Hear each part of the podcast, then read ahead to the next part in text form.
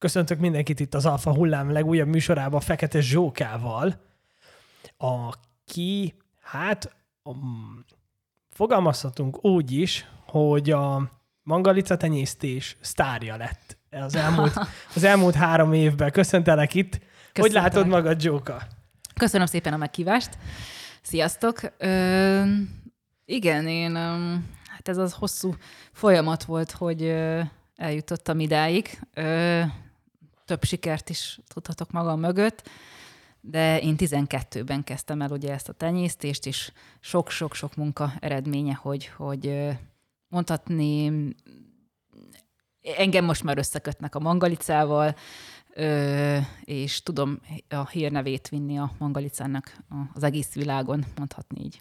Te ide jártál a középiskolába, a Balázsháziba. Így van. Hogyha visszapörgetjük egy kicsit az időt, és rápillantunk mondjuk a, a családodra, akkor ez egy hozott örökség?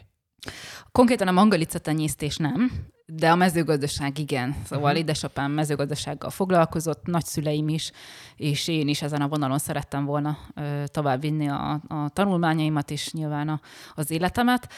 És ö, a, a tanulmányaim után ö, kezdődött el ez a, a folyamat, hogy én el, megpályáztam a fiatal gazda pályázatot, ö, elnyertem a, a pályázat segítségével ezt a lehetőséget, és ö, utána adódott, hogy akkor a pályázat segítségével ö, is foglalkozunk későbbiekben is.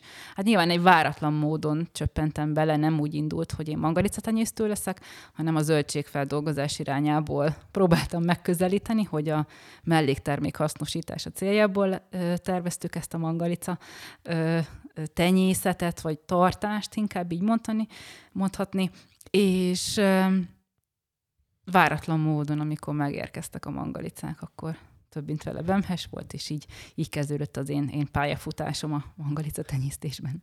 És uh, hogy látod, hogyha úgy maradt volna, hogy növénytermesztés, akkor, uh-huh. hogyha az a vonal marad, uh-huh. akkor, uh, akkor effektíven mi lett volna, mivel foglalkoztál volna? Ö, mai napig megvannak a gépek, szóval én zöldségfeldolgozással mhm. foglalkoztam volna, szóval én úgy indult a, a vállalkozáson, én bio zöldségtermesztés kapcsán, én fel is dolgoznám a, a zöldségeket, és értékesítenénk majd külföldön, mert voltak, vannak külföldi kapcsolataink, és akkor úgy akár Magyarországon, akár külföldi piac, piacra termeltünk volna, de ez ugye átalakult, és most már nem zöldségtermesztés, hanem ö, növénytermesztés, szántóföldi bio növénytermesztés, hogy az állatoknak a megfelelő takarmány meglegyen.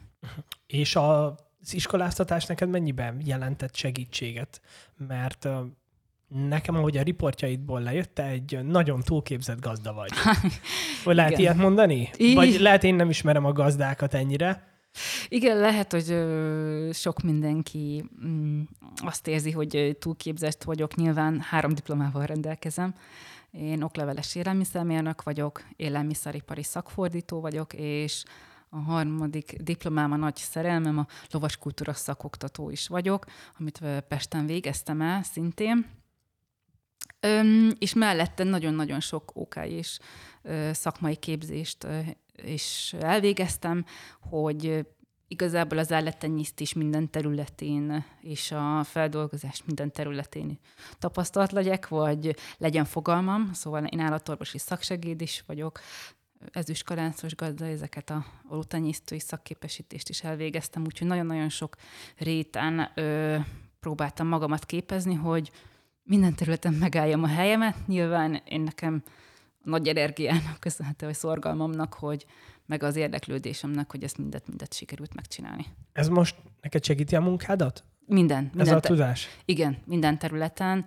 Nyilván a szakfordító is, hogy angol nyelven, felsőfokon nekem partnereim vannak, ö, külföldön is, és... Ö, ja, megcsináltál egy ilyen mezőgazdasági szakfordít Tóth. Igen, én, én felsőfokú egyetemi végzettséget, diplomával rendelkező élelmiszeripari szakfordító vagyok, úgy angol nyelven, mesterszak. Szakfordító vagyok, úgyhogy ez a második diplomám. Vagy én, én két diplomát csináltam egyszerre. Ja, két diplomát csináltam? Igen. Ez, ez Budapesten? Igen, Budapesten a Kertészeti Egyetemen csináltam. A Balázsházi mennyiben jelentett neked előnyt? Ö, szakma. A szakma ugye nagyon fontos, hogy én nekem fontos Ez volt. mennyire hogy... gyakorlatias iskola? Mert ugye Gyakorlat- ez Pallagon Igen, található. Pallagon, Pallagon. Ö, nekem nagyon szerencsém volt, mert nagyon jó szakmai tanáraim voltak is, ö, gyakorlatokat is ö, végeztünk, és ott is részt vettünk. Ö, nyilván a motektöri, ezek is ö, része, ö, ezek is voltak. Mm, szakmai érettségiben biológia volt, én nagyon sokat tanultam, tanulhattam ott, és, és nagyon jó tanáraim voltak. Én csak pozitív hangon tudok visszagondolni, és vissza is járok a középiskolába akár előadásokat tartani, hogy, hogy igenis fontos a szakmát is megtanulni, nem csak azt, hogy érettségünk legyen, hanem, hanem egy kicsit a, a, a, a milyen szakmai téren az az ember érdeklődik, érdemes az irányba tovább menni. Palasházi a szakmát is ad.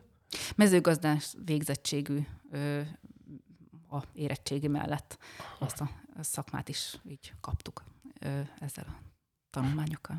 És ahogy a tanulmányaidat elvégezted, utána egyből belecsöppentél, ebből hazajöttél, és tudtad, hogy te már úgy építetted fel a tanulmányaiddal párhuzamba az életet, hogy te vállalkozni szeretnél, bekapcsolódni a családi gazdálkodásba, és abból Én kialakítani. nagyon tudatos voltam. Én, nagyon, én már tudtam, hogy nyolcadik után milyen középiskolába megyek, középiskolában milyen egyetemre megyek.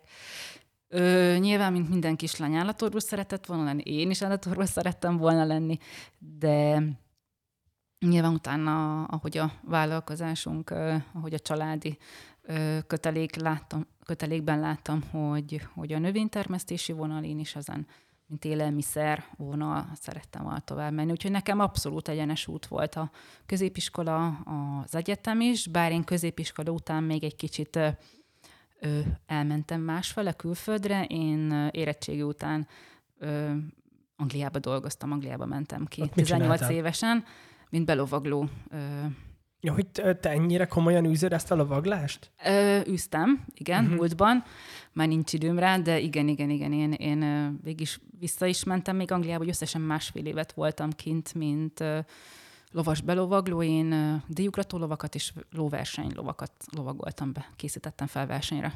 Akkor te ott elszegődtél egy a istálóhoz? Hogy hívják ezt? Igen, igen, igen, igen, verseny, két versenyistálóban voltam.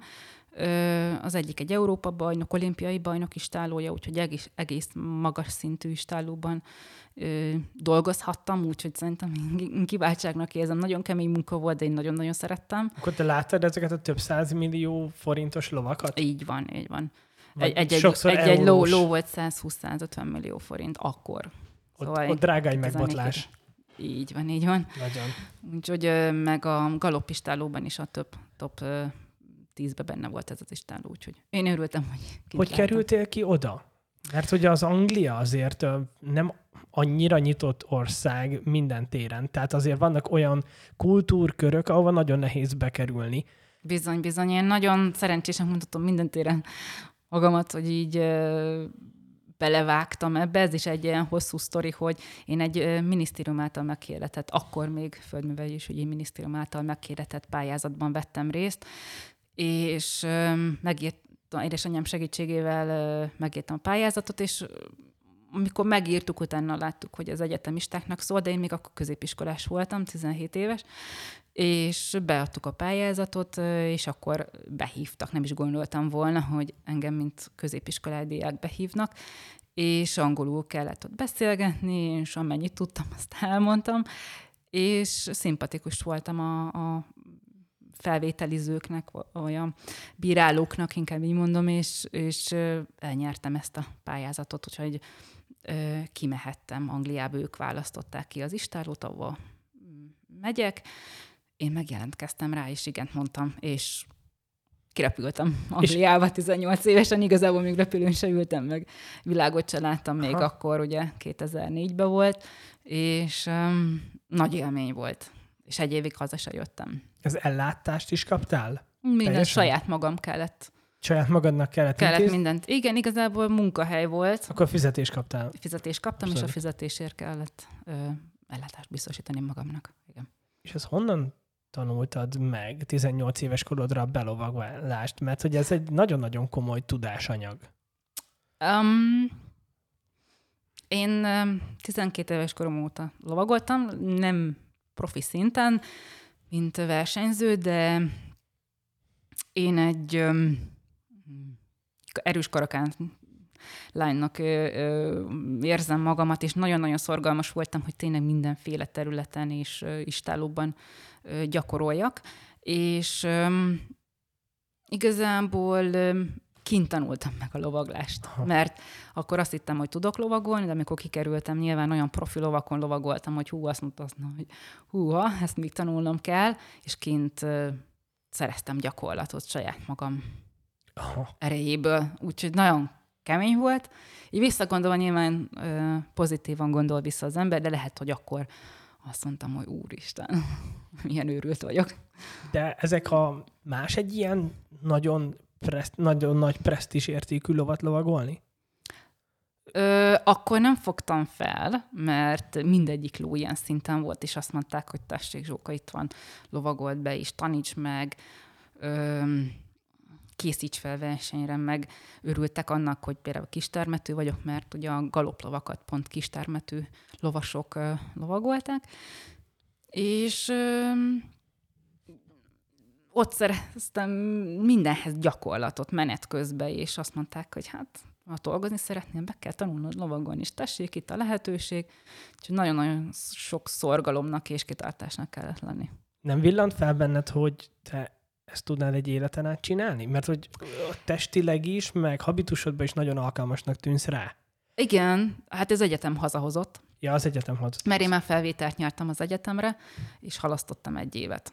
Wow. Úgyhogy um, épp a gólyatábor kellős közepén hívott fel a minisztérium, az is egy nagy sztori volt, hogy Zsóka, a pályázatot, és egy hét múlva indulhatsz Angliába. Ezt még megiszom, és aztán megyek. Majdnem szó szerint így volt, Aha. úgyhogy mondtam, hogy még egy hét haradékot kérek, mert még golyatáborban vagyok, egy hét múlva megyek haza, és össze kell szednem a cuccomat egy éves ruhát, vagy vagy, vagy tényleg minden felszerelést vinnem kellett magammal, és egy éves uh-huh. bőröndöt kellett. Hát egy kiköltözés volt. Konkrétan, így van, így van. Hogy Úgy, látod, ez uh, sokat jelentett a későbbiekben neked ez a korai Bizony. fiatal tapasztalás? Bizony. Hát um, szerintem ez volt az alapja mindennek, hogy önállósodtam, és um, még a jéghátán is idézőben megélek, és um, minden, minden, a szorgalom, a munka, a kitartás területén, kihívás területén merek kockáztatni, vállalni, talán ez a vállalkozói élet is így sikeres vagy, ahogy csinálom, így ez, az, ez volt az alapja, az egyik, egyik alapja. Diugratáshoz nagyon bátornak kell lenni, nem? Igen. Vagy csak kívülről látszik úgy? Én amikor lovon ülök, vagy mhm. ültem, mm-hmm. Azért az na, izgalmas, egy magasan vagy. Igen, igen. Bátornak meg az, hogy olyan lovakat lovagolsz, ami még, még csikó, még gyerek, még most, most tanulja az életet, és, és te tanítod meg, hogy mit jelent ez a, akár a díjugratás, akár a, a galop, ami versenyre való, felkészül a terep, az idegen dolgok, úgyhogy nagyon pszichológiailag is nagyon ott kellett lenni szellemileg, hogy a lovakat érezni kellett, meg a habitusukat ugye megismerni, megtanulni, és nyilván fizikailag, úgyhogy kemény fizikai adottságnak is kellett lenni, szóval megerősödtem kint. Akkor te mindig fitten tartottad magad, tehát ugye az alap volt. Amúgy alapból, igen. Én kicsi koromtól kezdve ilyen sportos voltam, vagyok. Hazajöttél, és akkor elkezdted az egyetemet, de akkor nem egyet, hanem két diplomát párhuzamban. Igen, elkezdtem hogy nyilván az alapdiplomát, az élelmiszeripari, ö, okleveles élelmiszeripari ö, mérnöki diplomát, és utána a harmadévtől jelentkeztem egy szakfordítói képzésre is az egyetemen belül, és akkor mm, hát ott többen voltunk így csoportások, akik elkezdtük, és akkor így két diplomával végeztünk, és öt éves képzés volt az egyetem, akkor még, és én az öt éves képzésben alapfokú, vagy mester diplomát szereztem. Egyetem mellett dolgoztál? Ja, volt időm. Azért. Akkor csak erre, igen, erre igen, igen, igen, igen, igen. Teljesen. Teljesen, abszolút. Igen, igen. Nem volt idő. És ahogy az egyetem véget ért, ugye ez az öt év, akkor te egyből jöttél vissza Böszörménybe, igaz? Ö, Igazából én a Fiatal Gazda, Gazdák Szövetségében is benne voltam. Én nagyon sokat segítettem, do- hát nem dolgoztam, mert nem, inkább azt, hogy segítettem, és részt vettem a munkájukban. Mert egyetem alatt. Amikor egyetem alatt, és amikor igazából elvégeztem uh-huh. az mhm. egyetemet, mert utána volt időm, több szabadidőm nyártól, és külföldi utakon vettem részt több szakmai rendezvényen részt vettem, konferencián, képzésen a Fiatal Gazdák Egyesülete által, ott egy majdnem több mint egy fél éves képzés, vagy egy ilyen program volt, ami szinte majdnem minden héten vagy két hetente utaztunk valahova, meg otthon is segítettem a családi vállalkozásban, és én még nem maradtam otthon, hanem még 11-ben én kiutaztam Dániába, én fél évet Dániában is éltem, és tanultam egy ökológiai iskolában, egy, fő, egy névfőiskolának mondható iskolában. Ez Erasmus volt? Erasmus program. Igazából ez egy kishantosi ösztöndíjas program, nem Erasmus, hanem ez ösztöndíjas program volt. Egy szóval öko, kis, biogazdálkodás? Igen, biogazdálkodásnak a, a öko, öko programja. És akkor úgy kimentem egy fél évet, ö, akkor 2011-ben akkor kezdtem el utána ebben a fél évben, amikor hazajöttem a, a lovas kultúros szakoktatói képzést. Amikor hazajöttem, még azt, azt is elkezdtem úgy, hogy még kerestem a helyemet. 12-ben, mikor a Mangalica és a képbe jött, akkor még én meg még Pesten dolgoztam, mert Pesten is dolgoztam utána. Szintén egy fél évet, öt hónapot. Ez az ökoiskola, ez milyen volt? Mert hogy nálunk nem nagyon van ilyen. Nem nagyon van ilyen. Az életre való felkészítés a célja, és um, kicsit művészeti, kicsit az életre készíti fel a fiatal diákokat, akik még úgy nem tudják a helyüket, hogy merre menjenek művészet irányába, gyakorlati irányba, kicsit az a természet megismerése, a tényleg a biovilág, mi a fenntartható gazdálkodás, és ezeket tanultuk, ezeket a kicsit úgy életszerűbben, nem a padban ülve, hanem tényleg fizikailag benne voltunk, akár növénytermesztés, kimentünk, a fűszernövényeket láttuk, főztünk, olyan óránk volt, technikás óránk, amikor tényleg az eszközöket megtanultuk. Kicsit visszacsöppentünk, hogy a, a népies való világba tényleg eszközök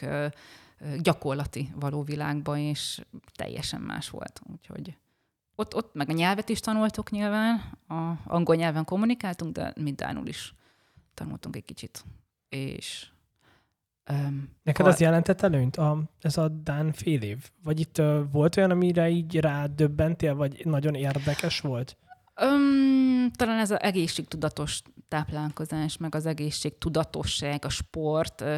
Én mellette is ott lovagoltam, és arra rájöttem, hogy bármire képes az ember, amit eltervez, és minél egészségesebben, minél céltudatosabban élje az életét, és talán ez az, ami, ami kicsit úgy, amire rádöbbentem és tapasztaltam. Úgyhogy ezt az, amit vittem magammal, vagy hoztam haza. Ugye én akkor már, amikor hazajöttem, akkor, akkor dolgoztam itthon a, a családi gazdaságban, de akkor kezdtem el a lovasoktatói képzést, akkor Pesten, utána Pesten dolgoztam fél évet, és... Pesten te dolgoztál egy multinál, igaz? Igen, dolgoztam egy multinál. De az, ez az irány volt? A mezőgazdasági irány, vagy élelmiszer irány? Élelmiszer irány egy alkoholforgalmazó cégnél. Hát, erjesztés végül is, van Igen. benne növény. Így, így, így van egy kicsit teljesen más, meg, meg kicsit az a számlázás, kipróbáltam magamat, hogy tényleg a komputer mögött komputer előtt hogy tudok érvényesülni angol nyelven. Nyilván ez egy, egy kihívás volt, hogy én, nekem a főnököm igaz volt helybeli magyar főnököm, nekem a főnököm meg kint Írországban volt, mert Írországnak a kapcsolattartója voltam, és akkor az, hogy én napi szinten angol nyelven kommunikáltam, e-maileztem, és ezt is gyakoroltam, hogy rutin legyen. És, és utána volt, hogy akkor megérkeztek a mangalicák, és akkor hazajövök, és nagy miért földkő volt az életemben, hogy akkor, ja, nem is növény, nem is feldol, növényfeldolg, vagy zöldségfeldolgozás, hanem akkor mangalica. És miért nem maradt meg a növény. Mármint, hogy értem, a, a, tehát a sztori az az, hogy érkezett 20 mangalica, és akkor, akkor derült ki, hogy a, több mint a fele vemhes. Igen, és megfialtak, és akkor ott 50. voltak a, ma, a kicsik, akkor azokkal gondoskodni. Nem tudtuk, hogy akkor, hogy mi lesz ebből, hogy szaporodtak a, ugye ugyanúgy megérkezett a kan is, hozzánk vettünk kant hozzá, akkor szaporodtak, és hogy nem csak azt, hogy felneveljük őket, hanem, hanem utána foglalkozni is kell velük, hogy fel, akár feldolgozni. Szóval az év végére már elkezdtük feldolgozni a, a, a hízókat, amik megnőttek,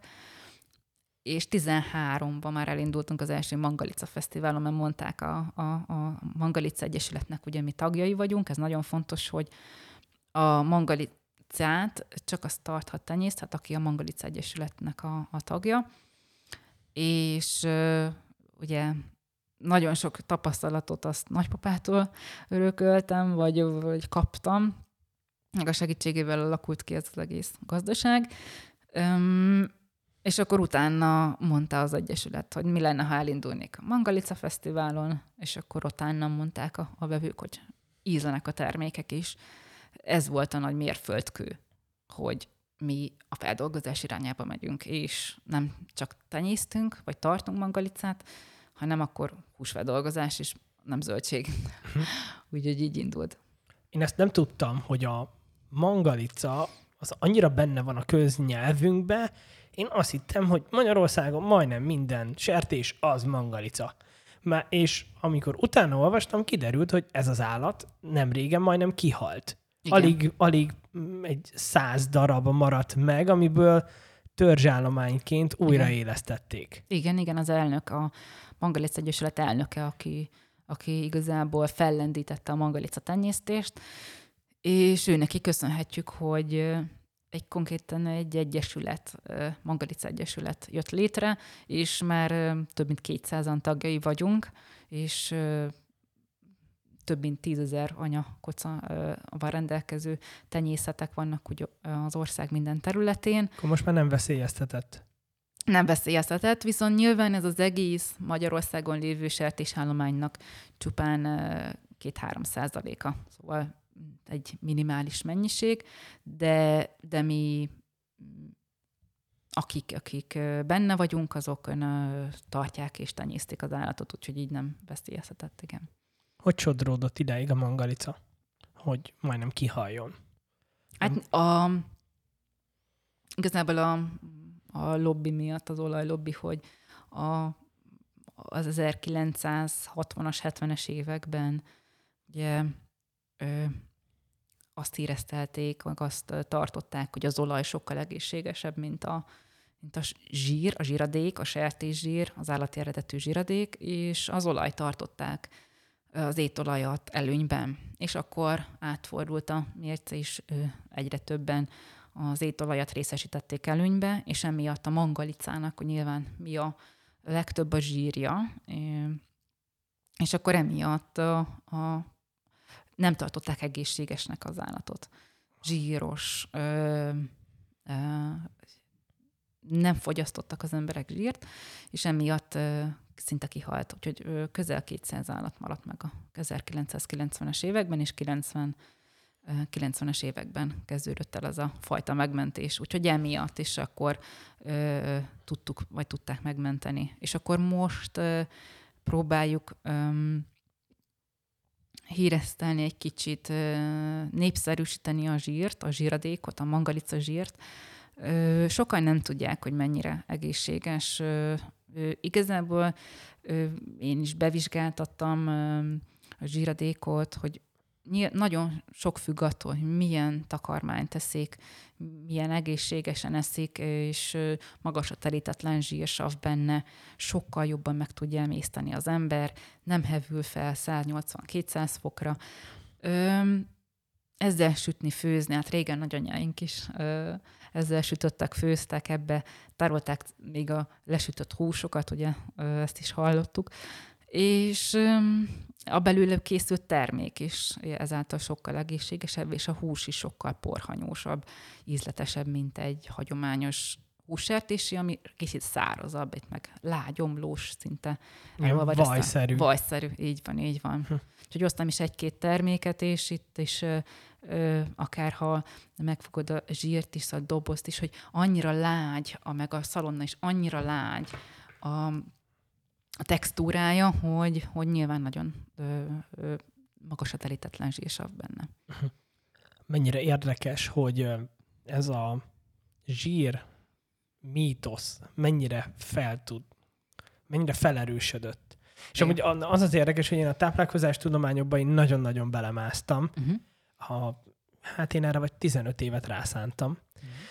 És, és ugye az derül ki, hogy ezek a mítoszok, ezek úgy keletkeznek, hogy az állami igazgatás megfigyeli, hogy hú, hát van egészségi probléma az országba, hát valami baj lehet. És akkor jó, keletkeznek hipotézisek, és például a koleszterin hipotézist, azt nyulakon bizonyították be. De hm. hogy annyira hatalmas forrást kapott az a hm. kutatócsoport, annyira hangos volt, hogy el kellett telnie 30, 40, 50 évnek a táplálkozás tudományba, hm. még, még annyira nagyon sok tudományos írás jött ezzel szembe, a fősodorvonallal szembe, hogy az alakult ki, hogy hát most már legalább elcsendesedtek ezek a koleszterin hipotézisek, és kezdünk visszabillenni egy rendre. De hogy hatalmas károkat tud okozni az, hogyha egy adott hipotézist nem vizsgálunk, nem járjuk körbe, vagy hogy nagyon engedjük, hogy nagyon hangos legyen, mert egyszerűen nem is fog, a többi kutatócsoport nem is fog egyrészt pénzt kapni, meg nem is fog belekezdeni. Mert sajnos a, az egészségi, egészségügyi kutatások is presztízsértékűek, és sok orvoskutató úgy áll hozzá, hogy amikor állít valamit, tehát egy hipotézist felállít, mondjuk, hogy a koleszterin rossz, vagy mondjuk a disznózsír rossz, akkor ő azt akarja bebizonyítani. De a hipotézist azért állítunk fel, hogy megnézzük, mert valamit állítani kell, amit vizsgálunk. De nem baj, hogyha az derül ki, hogy nem rossz. Tehát nem tudom, te ebbe azért eléggé bele másztál, Igen, igaz? és ö, annyira egyirányú, és annyira a sajtó viszi a, a feltevéseket, és annyira az irányítja, akár az eredményeket is, hogy sokszor nem tudják a, a tényszerű választ megválaszolni és érvényesíteni. Szóval egyetértek. Igen. Igen. Igen, és a te be, nyilván benne dolgozol. Így van. Így van. Szóval én is, mint élelmiszermérnök ilyenkor kihasználom, hogy a szakmai tudásomat, hátteret meg utána olvastam nyilván nagyon-nagyon sok mindennek, főleg a állati zsíradékok tekintetében, hogy, hogy miért egészségesebb, miért főzzenek zsírra az emberek. De akár visszamegyünk, ilyenkor sokszor azt mondom, hogy józan paraszt észre gondolkodunk, hogy régen a nagyszüleink, dédszüleink is állati zsíradékkal főztek, és energiájuk volt, és nem volt koleszterin problémájuk, ugye? Nem hagos vérnyomás is. Nyilván ez a stressz is, mert a mai világgal összefügg, de öm, én próbálok kicsit szakmailag hátterében utána járni a dolgoknak, és, és ezzel alátámasztani a, a zsíradékoknak a előnyeit. Nagyon-nagyon kivontuk a zsíradékokat, és a Igen. viccesen vontuk ki, mert a, mondjuk a, kivonták a húsokból, de hát utána azt mondjuk visszarakták a sajtokba és utána eladják sajtokba. Igen, és ugyanás sokan nem tudják, hogy a zsíradékok, amik, amit, e, ami energiát adnak, akár az agyunk, mivel működik? Zsírra. 70 százalék a zsír az igen, agynak. Igen, és, és a koleszterinre is szükségünk van. Hogyne. Az agyunk működése nem működik. Zsír. És de csak ez egy sok közül. Energia. Miből van energiánk? Sokszor a zsír, zsír a fehérjéből, a húsból. Sokszor a, nyilván a másik oldal, hogy a növényi zsíradékok. Ö, nyilván azt is kell fogyasztani, de nyilván az energia, akik ö, akár fizikai munkát végeznek, akár ö, olyan szellemi munkát végeznek, ami nagyon-nagyon fontos, zsiradék, zsiradék, zsiradék és, és állatéredetű zsiradék, ami könnyebben beépül a szervezetbe. A növényi zsiradék azzal sütni, főzni nem jó, mert az lerakad, a letapad a, a érerekben. És az állatéredetű zsiradékok pedig könnyebben ö, fel tudjuk dolgozni, és azok ö, emészthetőbbek a, az ember számára. Nem berobbant a margarin is, Mm. És arról ugye mindenhol, hogy a margarin mennyire egészséges, és ez hidrogén, hidrogenizált növényi olaj. Na most, most már ugye odafigyelnek a margarinoknál, de mondjuk egy 20-30 éven keresztül nem figyeltek oda, hogy a hidrogenizálás során a növényi olaj a cis állapotból trans zsír Igen. állapotba kerül. Na most ez a trans zsír, ez annyira nagyon veszélyes, hogy egy idő után betiltották a vele való emberi kísérleteket. Tehát forgalmazni lehet, de emberen már nem lehet kísérletezni vele, mert olyan hatásai vannak, hogy meddőséget okoz, koszorúér problémákat. Bizony. És ez egy, egy sok közül, és ez csak a margarin, de hány ilyen termékünk van, vagy a termék van a polcon, ami hidrogénezett növényi zsírral készül. Csak, csak az összes e... keks, a minden. Úgy. Úgy, ja. és csak, csak megfordítja az ember az összetételét a adott terméken, és látja, hogy úristen, és akkor elolvas, hogy hidrogénezett növényi zsiradék, akkor gondoljunk erre. És ez, ez mesterséges úton keletkezik, nem természetes úton, mint ahogy mi kisütjük a zsírt, és e, fantasztikusan itt a, asztalra tesszük és kenjük. Hát az nem úgy készül. Neked a, azt, hogy ilyen szívvel viszonyulsz az állataidhoz, ez honnan jön? Mert hogy van ez az ősi mondásunk, hogy tartsd a jószágot természete szerint aki megnézi, hogy te hogy viszonyulsz az állataidhoz, az egy nagyon intim és törődő viszonyt lát.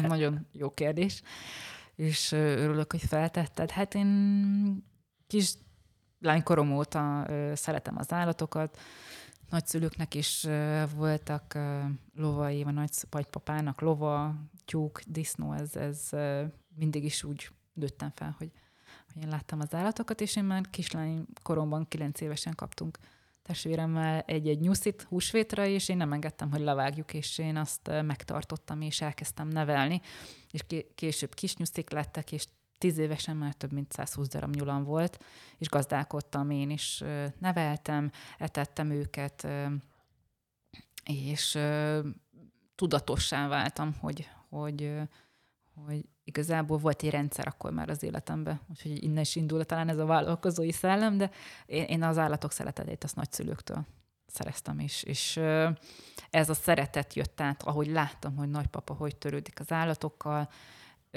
őtől láttam, hogy, hogy milyen szívvel lélekkel csinálja, és gondoskodni kell az állatokról, és ők visszahálálják. És én is így ilyen szemlélettel állunk hozzá, akár a családom, minden tagja, hogy, hogy hogy így kell az állatokat nevelni, és minőségi takarmányt adni neki, és azt meghálálják majd később a termékben.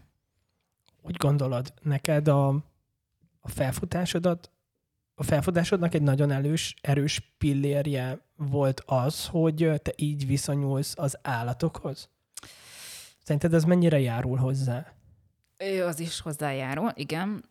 Biztos, hogy az is hozzájárul, hogy nő vagyok, és ezt így csinálom, és talán az, hogy ilyen szeretettel csinálom, és hívve, és elhivatottsággal, szerintem ez a hármas, négyes összhang, hogy, hogy nem adtam fel, és csinálom, és fejlesztek, és, és a másik nagyon fontos szerintem még, ami mindehhez hozzájárul, hogy én nagyon innovatív vagyok.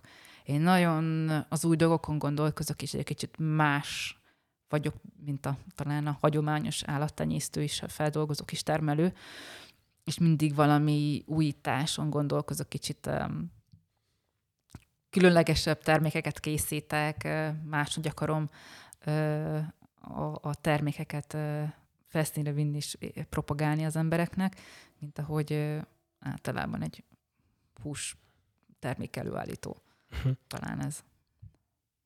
Mennyire így a szakmai rálátásoddal, ez lenne az az állattartás, amire azt mondom, hogy ez, ez emberi, tehát hogy ez etikus.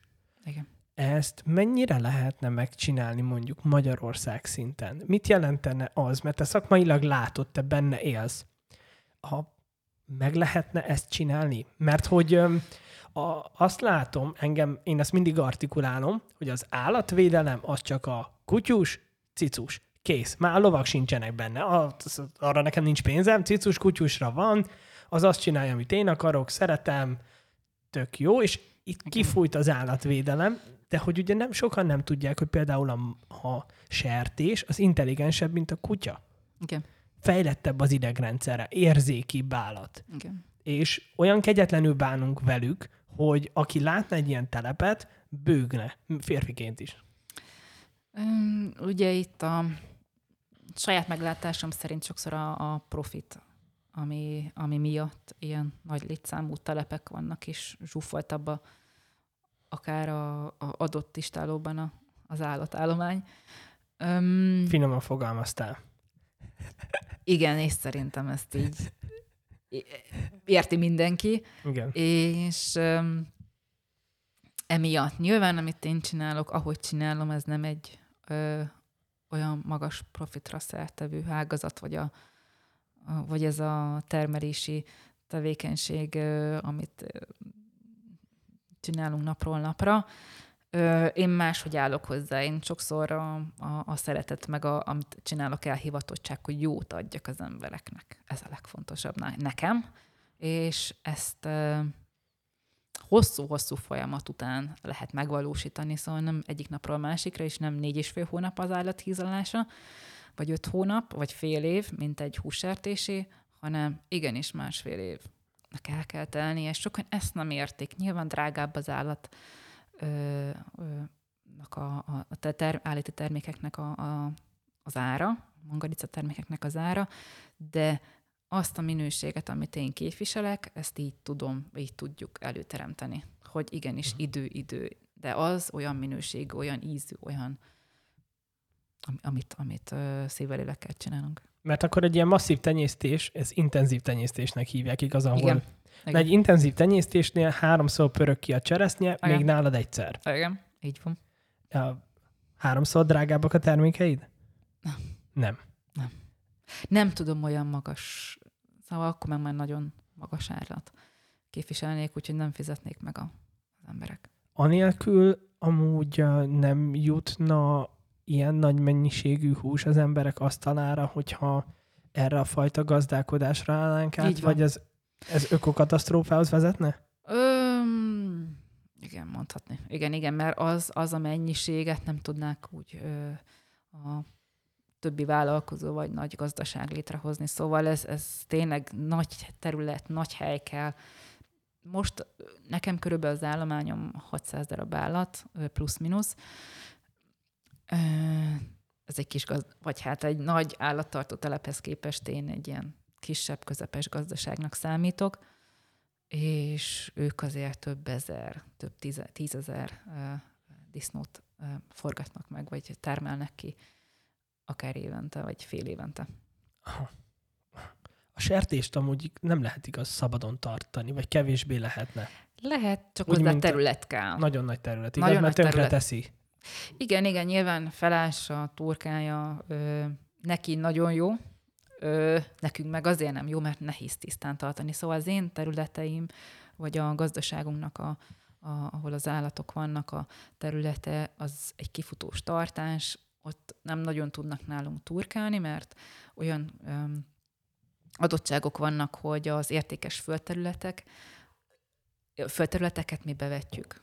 Saját lucernával, fehérje forrásként lucernát kapnak, nem kapnak szóját, nagyon fontos nálunk, hogy nem kapnak szóját az állatok. borsót, kukoricát, búzát, napraforgót, olyan különböző tritikálét, takarmányt, amit mi saját magunk darálunk, keverünk, saját pellettálógépünk van, és ezt kapják az állatok. Próbálunk mindent saját magunk megtermelni, akár, ahogy mondom, gépesítve előállítani, ledarálni, és nyilván friss takarmányként zöld takarmány, tököt, akár mondom, lucernát, azt mindig frissen kaszáljuk, és akkor a téli időszakban pedig be bandázsoljuk, be hálózzuk, bálázzuk, és akkor a téli időszakban pedig akkor kapják. Úgyhogy abszolút a, igazából mi a hagyományos módon tartott állattenyésztést részesítjük előnyben, és csináljuk. A, mit jelent most Magyarországon az, hogy bio? mert ha utána olvas az ember, lényegében már most már lassan egy kicsit a biogazdák olyan téren hasonlulnak meg magukkal, hogy aki a leglelkiismeretesebb, azt se tudja kikerülni a levegőszennyeződést, a, hát a talajjal be, átfolyó dolgokat, vagy... Nyilván, um, igen, amiket mondasz, az benne van, hogy a levegőszennyeződés, hát ezt nem tudjuk kikerülni.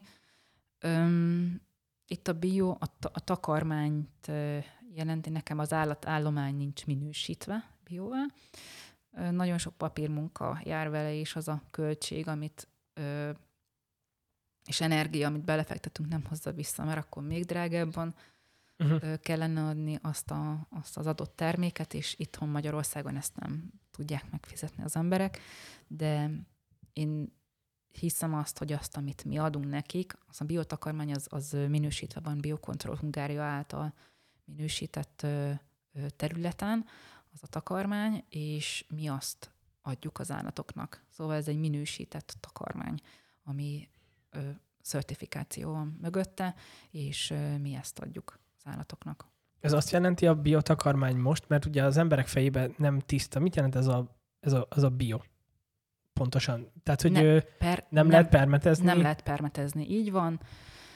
Ön, semmi kemikália, amit ö, nem engedélyez a Biocontrol Hungária, az, az nem használhatunk rajta. Úgyhogy itt a gépek munkája, kultivátor, vagy kapálás, vagy az a vetésforgó, amit ö, kialakítunk az adott területen belül, azt ö, érv, ö, érvényesítjük, azt használjuk, és így tudjuk a, a terményt előállítani. És nyilván a, itt a terméshozam nem olyan magas, mint egy intenzív területen, ezáltal kevesebb, értékesebb a, a adott termény. Hogy állítottad össze ezt a, ezt a biotakarmányt? Mert ezt ugye meg is lehet enni akár. Igen, igen, igen, igen. Volt egy videómban is, hogy szinte olyan, mint egy konflix.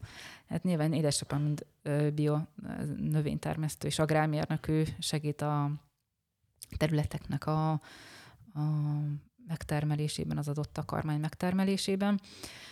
Öm, nagyon hosszú folyamat volt, míg megtanultuk, hogy még takarmány, hogy malackorba, süldőkorba, hízókorba kocáknak mást adunk, és ezeket mi állítjuk össze.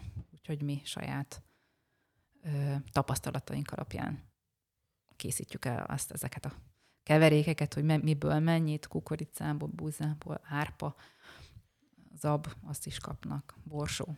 Hagyományosan mivel etetnék? Kukoricával? Hogyha egy intenzív tartást néznénk. Hát intenzív tartás a szója. A szójázzák. A szója. De a szóját azt azért használják, mert az a legolcsóbb? Olcsó, mint a kukorica? Magas, nagyon magas a fehérre tartalma. Viszont a szója sok ö, esetben génmódosított növény. Magyarországon is engedik a génmódosított szóját? Behozni. Behozni. Aha. Igen, van, aki termeszt szóját, van olyan termesztő, ami, ami, aki nem génmódosított szóját termeszt, de, de általában a szóját ugye úgy ismerjük, hogy génmódosított szervezet. Uh-huh. És akkor te ezért határolódtál el a szójától? Igen. Ez volt a Igen. fő ok? Igen. Igen. Uh-huh. És Igen. akkor maradt a... Borsó. A borsó, borsó, lucána, és nyilván a, a többi kiegészítő takarmányban is van fehérre tartalma, nem olyan magas, kisebb a fehérre tartalma, de ezeket, ezeknek a kombinációját részesítjük, és nyilván emiatt is hosszabb ide, ideig tart a, a mangalicának a hízlalása. Lehetne látni a zsír vagy a hús struktúráján, hogy Mivel leteti? Nem, nem, azt így nem lehet. Nem lehet, Nem lehet így észrevenni. nem lehet észrevenni. Nem, nem. Csak nyilván a tudat, hogy szójával nem etetjük. Aha. Hát meg akkor nagyon-nagyon, tehát hogy igazából akkor, um, hogy látod, a te állataid immunrendszere mondjuk lényegesebben jobb, kevesebb gyógyszert kell, hogy kapjanak? Nem kapnak gyógyszert. Nem kapnak gyógyszert? Egyáltalán nem kapnak gyógyszert. Úgyhogy ö, hál' Istennek büszkén mondom, hogy az én állataim egészségesek, és Akkor te csak Minden. azért nem vagy teljesen bio, mert nem akarsz. Lényegében. igen, Uh-huh. igen.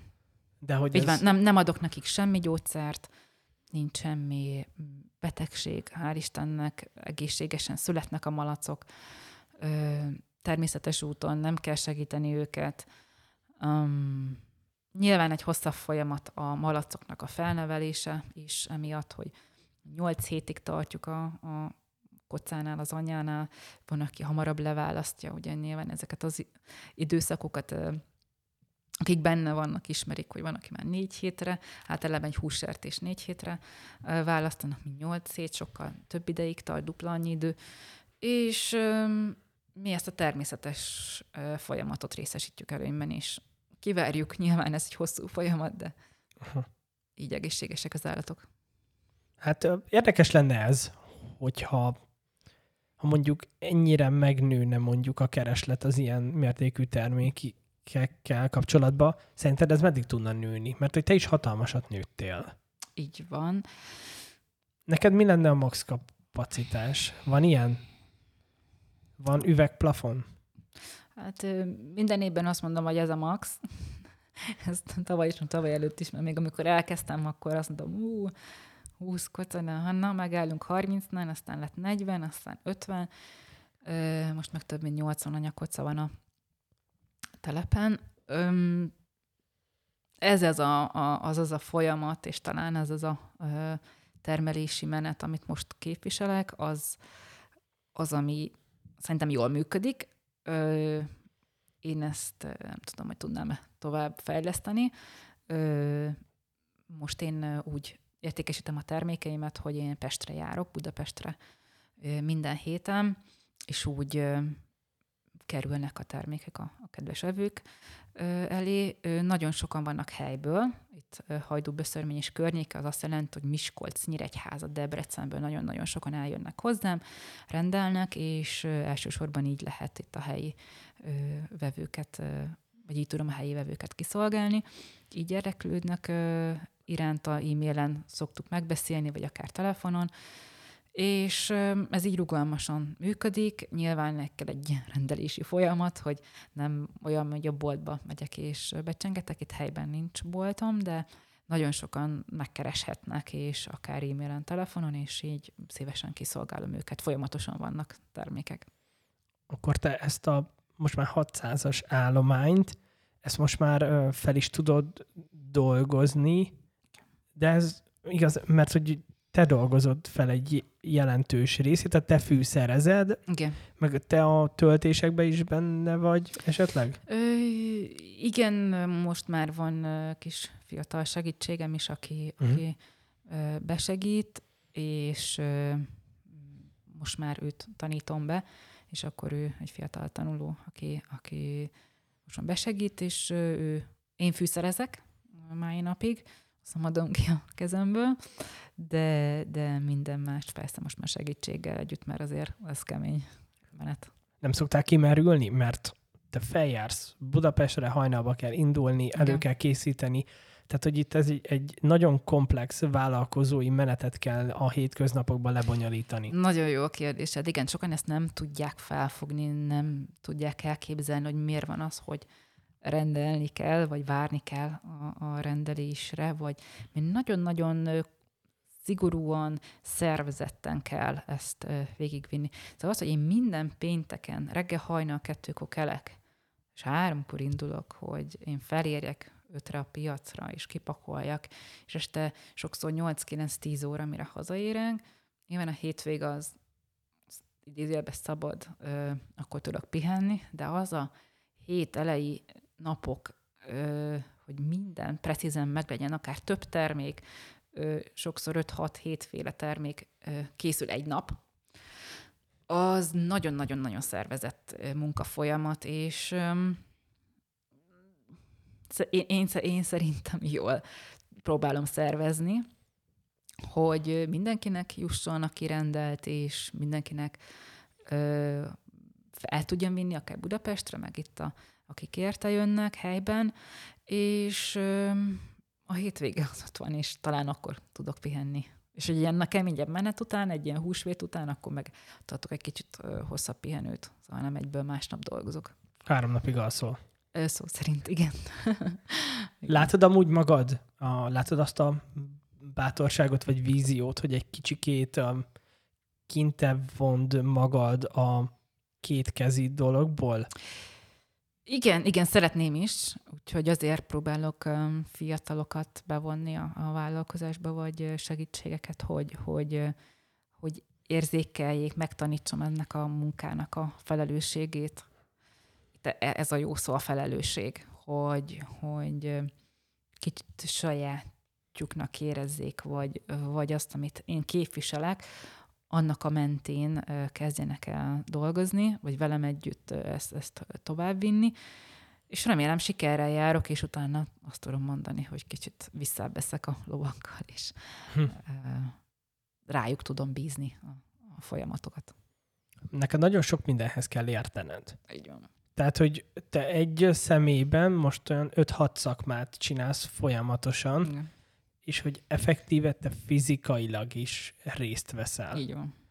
Neked a termékeid sikereinek egy jelentős alapja az, hogy az a fajta különlegesség jelenik meg, hogy te jól bánsz az állattal, odafigyelsz, minden saját, ellenőrzött, Igen. saját feldolgozás, saját fűszerezés, megvan ez a családi millió is, Igen. és utána a te kezeddel, te mosolyoddal adod oda a kezébe. Így van. Ez már szinte nincs is jelen a világunkban, nem? Így van. Így van. És, ez már csak nyomokban feleltő. Úgy érzem, hogy ez nagyon jó, pont ahogy látod, ez így van, és úgy érzem, hogy ezt értékelik az emberek, vagy eljönnek hozzám, és jé, zsóka, gumicsizma, és kötény kesztyű tényleg ott áll ő kötényben zsóka, és nem hiszik hogy, meg hogy én veszem fel a telefont, meg én válaszolok vissza az e-mailekre, hogy, hogy ez a te, közvetlenség, ez a természetesség, ami van bennünk, hogy ilyen létezik. És sokszor meglepődnek az emberek, és hát régen is ez volt, én, úgy, én ezt természetesnek veszem, hogy, ezt így csináltuk, vagy nagy, nagypapáink is így csinálták, vagy nagymama is emlékszem, ő, ő piacolt, én kislánykorom óta mentem vele hétvégén piacra, és ő vitte a krumplit, és együtt tástuk fel a krumplit. És hogy nekem ez van bennem, és nekem ez természetes. Más embernek már nem, hogy boltból vesztük meg ezt, boltból vesztük meg azt, az alkalmazott, vagy valaki más adja oda neki. Nálunk meg, én szeretem hogy ott lenni. Meg ö, nyilván akkor így közvetlen a visszacsatolás, hogy, hogy ízlik a termék, vagy mi esetleg mi, amit fejlesztek még benne. Mennyire érdekes, hogy hogy kialt a világunkból ez a fajta közvetlenség, vagy az, hogy egy cég mögött te láss egy arcot is. Ne csak mondatok legyenek. Ez a... Így van, meg az a Fe, hát igen, ez a, ez a felelőssége, meg a, a, az őszintessége a vállalkozásnak. Igen. Egy, ez, egy, ez egy amúgy egy nagyon erőteljes alap. Szerintem az emberekben egyre jobban megvan az igény, mert már annyira nem tudjuk, hogy mi honnan jön, mert szinte annyira nem értjük, most már olyan alapvető dolgokat nem értünk, amik hatással vannak ránk, mint az élelmiszereink. Megfordítjuk, és és neten kell keresni, hogy az a szantán gumi, az miért van benne egy kolbászba, vagy mm-hmm. bambusz reszelék. Miért van benne a CBA-s kolbászba bambusz reszelék? Hmm. Honnan vesz? Honnan vesz bambusz reszeléket? Tehát, Nem hogy, értesz bele? Hogy, igen, hogy honnan jön az ötlet, igen. hogy... Ja, igen, az meg a másik. Hogy figyelj már, valahogy még kéne kicsit ezt a térfogatot növelni, mi, mit rakjunk bele, ám emulgálni nem tudok többet, mert az már, már húzós lenne, ilyen mócsingos zsírra, mert dugig van, há, valami kéne, ami száraz. Mi száraz? A bambusz. A bambusz a száraz. Igen, és csinálok olyan virslit én is, hogy szója nélkül. Szóval hús van benne. Én húst rakok a, a virslibe, a kolbe. Sokszor meglepődnek, hogy nincsen benne szója. Nincsen benne szója. És mi van benne? Teli van biztos bőrkével. Nincs bőrkével, mondom, ez szín. Hús van benne, és szalonna. Vagy a kenő májasba is. És hogy hús van benne is, máj és szalonna, és tényleg csak ennyi. Meg húst rakol a mája. Amúgy a hústermékeknél hol van az a határ, amit, amit muszáj belerakni egy, egy, egy hústermékbe, amit nem lehet kihagyni? Mert sokszor ugye azzal érvelnek, hogy hát hogyha az nincs benne, akkor, és akkor jön a mondat másik fele. Uh-huh. Ö, attól függ, milyen termék, szóval ezt most nem Mondjuk tudom a... még konkrétan meghatározni, uh-huh. de nyilván megvan az, hogy én füstölt kolbenz, hoz mit, milyen húst, vagy ö, milyen mennyiségű húst, megvan a kenőmájashoz. Nekem megvannak a receptúrák, és ez, én, én ezt szigorúan veszem, ha elfogy a adott hús mennyiségem. Ennyi volt. És ez, ez, ez kézműves termék, ez elfogy, ez sokszor két állat se ugyanolyan, úgyhogy ezt kihangsúlyozom, hogy két állat se ugyanolyan, és akár a hús ö, ugyanúgy lapocka, lapocka is frissen rakjuk bele, csak lehet, hogy egy kicsit másabb a textúrája, egy kicsit zsírosabb lehet, és ezt hiába ugyanúgy készítjük, egy kicsit változhat. Nem nagy eltérést képzelek én itt, hogy két ugyanolyan kolbászt egymásnak, és az egyik így néz ki, a másik meg úgy, de nyilván egy kicsit változhat. Ezek kézműves termékek. És ezt mindig kihangsúlyozom, meg ha elfogy, akkor ez elfogy. Szóval ez nem olyan, várni hogy kell. várni kell, hogy az egyik állat volt 150 kilós, a másik csak 140. És ö, egy csapatból volt testvérek. Két testvér se ugyanúgy néz ki, mint ikrek. Úgyhogy ö, le, ki lehet, szét lehet szedni ezeket a dolgokat, ezeket az apró nyuanszni dolgokat, de kicsit a bizalom legyen meg a, a vevőben, hogy, hogy ezt mi készítjük, ezt így készítjük, ezt fűszerezés az mindig ugyanúgy kész, mind, precízen rakjuk bele. Úgyhogy um, a bizalom, és én is nyilván oda-vissza a bizalom megvan a eladóban is, hogy, hogy folyamatosan készítjük, és szívvel lélekkel adjuk. Én csináltam egy 6 hetes húsevő diétát, ez a carnivore, vagy ragadozó uh-huh. diéta. Ezt igazából ilyen safari jellege, kíváncsi voltam, hogy mi történik a testemmel, hogyha csak kizárólag húst teszek, sót, borsot és vizet iszok, és semmi más. Még zsiradékok azok voltak. Igen. És nagyon érdekes volt, hogy a, az édességem az a májkrém lett volna. Uh-huh. Megvettem a legdrágább májkrémet, amit kereskedelmi forgalomban lehet kapni, és ugye az az alapelv a carnivore hogy semmilyen kemikália ne legyen. Tehát minél uh-huh. inkább letisztultabb. Ez a fajta étkezés, ez extrém, ez azoknál működik nagyon jól, akiknek rengeteg fajta, akik mindenre allergizálnak. Aki mindenre allergizál, akinek folyamatosan bélproblémái vannak, azoknál ez, ez elképesztő gyógyulásokat hoz. Na most megvettem ezt a nagyon drága májkrémet, gyönyörű becsomagolás, ilyen viasz, olyan viasz, kis magyar zászló, és akkor elkezdtem nézni, és a legdrágább májkrém is dugig volt foszfátokkal. És ez olyan, mint amúgy, hogyha mint egy, mint egy diller csinálta volna, hogy hát van fél kiló kokainom, de szeretnék másfél kilót. És ez a foszfátolás, ez az? Ugye az eltarthatóság, meg hát nem csak foszfát van, hanem biztos, hogy olyan tartósítószer, ami az eltarthatóságát növeli. Nyilván az én termékeim is frissen készültek, az hamarabb romlik meg, mert ebben nincs semmi tartósítószer. Uh-huh. Sót használunk, meg füstöt füstölés. Ugye füstölt májason van, füstölt virslin van, vagy füstölt kolbász, vagy ö, füstölt disznósajt, és ö, nyilván ez a eltarthatóságát növeli a füstölés, de nyilván mivel főtt áru, ezért nem tartható el sokáig, és ö, ugye ezt is bele kell kalkulálni a bevőknek, hogy ez mindig frissen készül, ez így elfogy, hogyha nincs több. És ö, nyilván ezeket a termékeket, amit boltba lehet kapni, növelik az eltarthatóságát, hogy a polcon több ideig uh-huh. legy, legyen jelen. Ugye nyilván a boltnak is az az érdeke, hogy az a terméket, amit megvásárolt az adott termelőtől, azt minél tovább tudja árulni, hogyha nem viszik el azonnal. Szóval ők nekik valamit valamiért.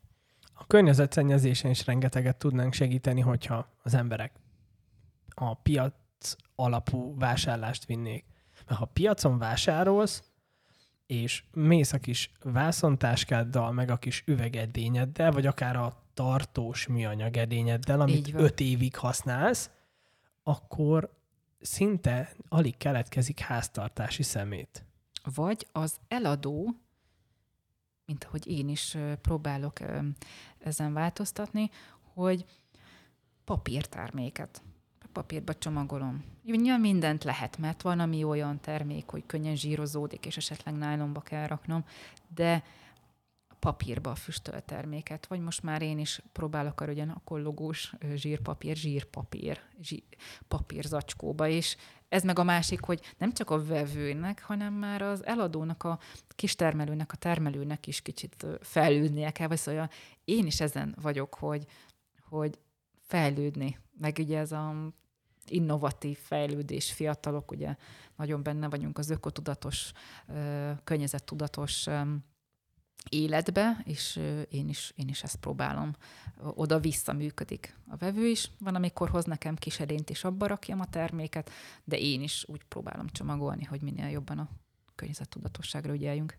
Milyen érdekes, hogy most megjelent a Coca-Cola-nak a nagy hatalmas reklámkampánya, hogy a te felelősséged a palack. Uh-huh. Ez, a, ez a tied. Erről te tehetsz, a palack az érték, hát nem tudtad. Tehát én állítom elő a legtöbb műanyagot, és te nem tudtad, hogy a palack az érték. Hát mekkora egy felelőtlen fogyasztó vagy, hogy te megvetted az én termékeimet 30 éven keresztül, jó, hát igen, igaz, hogy harmadik világ országaiba rakom le ezeket a hulladékokat, meg hát igaz, hogy egy kontinensnyi műanyag van már a, az óceánba, meg hogy jó, oké, persze, az is igaz, hogy már egy évben 5 gram ö, műanyagot megeszel, de hát most ez a te felelősséget, hát neked kellett volna kialakítani Visszavág. valamit, Igen. és akkor így nézel, és akkor így most már ugye a, a Sixo gyárnak a tulajdonosa is felszólalt, hogy na, ez, ez nagyon vicces, hogy igazából ezeknek a PET palackoknak is az újrahasznosítása olyan gyerekcipőben van. Bizony. Olyan szinten amúgy nem is törődnek vele. Bizony. És Bizony. mindig ráterhelik a fogyasztóra, hogy és azt nem értik nagyon sokan, hogy, hogy egy beteg környezetben nem tudsz egészséges ember lenni. Tehát, hogy egy beteg egy rossz rendszerbe én szeretnék mondjuk kólát inni, de nincsen más választásom. Csak úgy, hogyha megveszed azt a műanyag palackot, így van. Igen.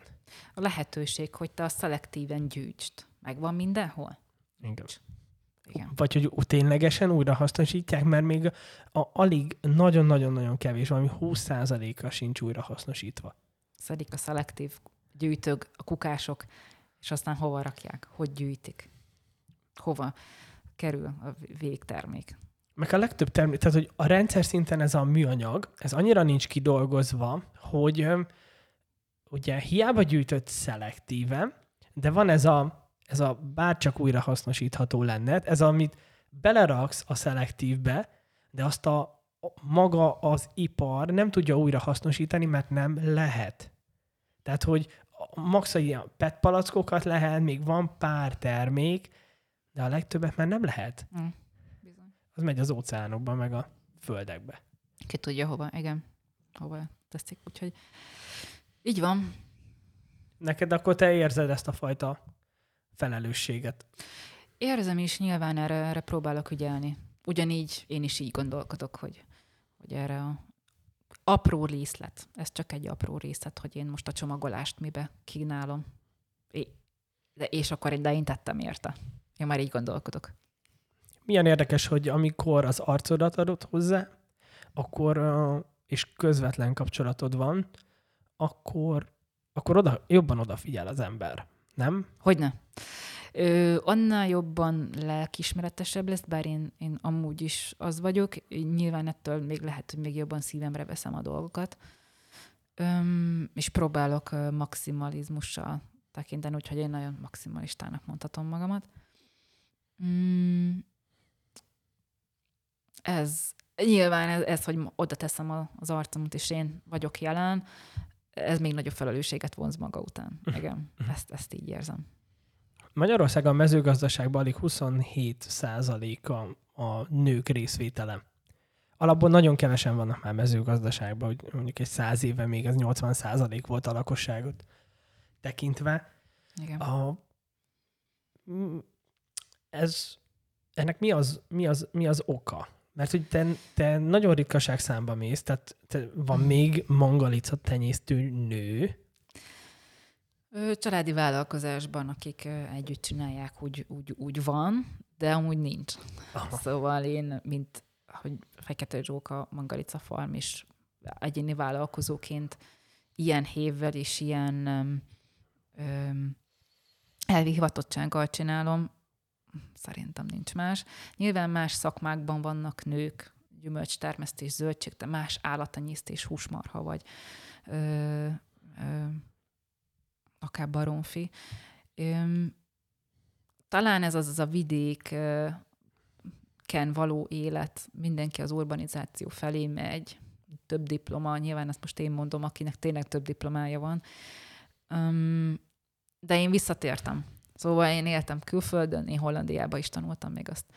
Azt nem mondtam, hogy én egyetem alatt én Erasmus programon Hollandia, Dánia, ugye külföldön is éltem, dolgoztam, de én hazatértem. Szóval sok mindenki nem tér haza. Nyilván itt a kereseti lehetőségekre mondják, hogy akkor vidéken nem olyan a fizetés, vagy ö, nem annyit keresünk, vagy a fá- városban, főváros ugye nagyon Budapest centrikus Magyarország, és nagyon sokan Budapesten találják meg a, a céljukat, vagy a munkájukat, vagy a lehetőséget ott érzik.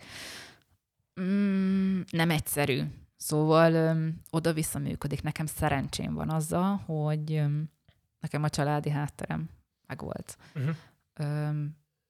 Nyilván édesapám, édesanyám segít. Ez azért kevés embernek adatik meg, hogy azt a hátteret, akár a földet, akár a, a anyagi hátteret erre is értem, a gépeket, minden, minden, minden, azt a tőkét, azt ö, tovább tudja vinni, vagy van miből gazdálkodni, van miből előteremteni, mert mondhatni a fiatal gazdapályázat se adott annyit, hogy amiből nulláról lehetne kezdeni. Nyilván azért szerencsém van, és ezt mindig ki is hangsúlyozom, hogy ezt olyan erőből, Fekete Zsók, azt nem tudtam volna megvalósítani. Persze azért a, a, az a telep, ami nektek van, az egy több száz milliós, hogyha megnézzük a, még a 65 hektár földet, hozzá a gépeket, a szaktudást. Tehát, Nyilván ezt az... évről évre szüleim ezt ö, sikerült megvásárolni, még a 90-es évek elején, és ez szépen lassan alakult ki, úgyhogy nem az, hogy na holnap után ezeket megvesszük, hanem a hosszú-hosszú évek sora folyamata volt, és ugye ezt, ebbe, ezt mi is láttuk, hogy ez nagyon sok munka van benne, meg én is ugye kisgyerekként én benne voltam, és kimentem én is a határba segíteni, akár nagyszülőknek, szülőknek, úgyhogy ez, ez a folyamatot én láttam, és nyilván ezt tovább vittem. Ezt már nem lehetne elkezdeni zéróról, nem? Nem, nem ezt, ezt nem lehetetlen. Ez lehetetlen. Szóval ő, nyilván ő, ezt látni kell, és a családi háttérnek is ő, meg kell lennie. Nagyon örülök, hogy nagyon sok fiatal visszamegy a vidékre, és elkezdi, akár nulláról, mert van egy-két ember, aki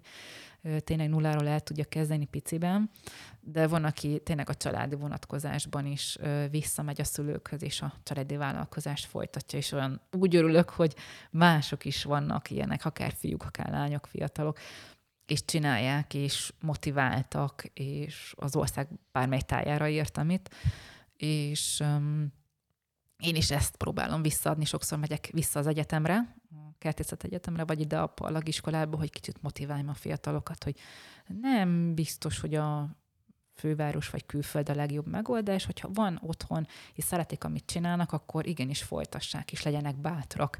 Mert én is azért nagyot vállaltam, kockáztattam. Én kicsit úgy bátrabb, bátor nőnek tartom magamat, hogy ezt elmertem vállalni, kezdeni, folytatni. Azért nem, uh-huh. nem volt egyszerű, de így szerintem így, így lettem sikeres. Te is választhattad volna azt, hogy Budapest, nagy multi, 600 nettó, nagyon Bizony. kényelmes. Kényelmes volt. Igen. Nagyon kényelmes volt. Nem kellett korán kelni. Tehát, hogy igazából... Napi 8 óra munka. Igen. És még lehet, hogy ott akár még nyilván többet is, fentebb is tudtál volna menni, de Igen.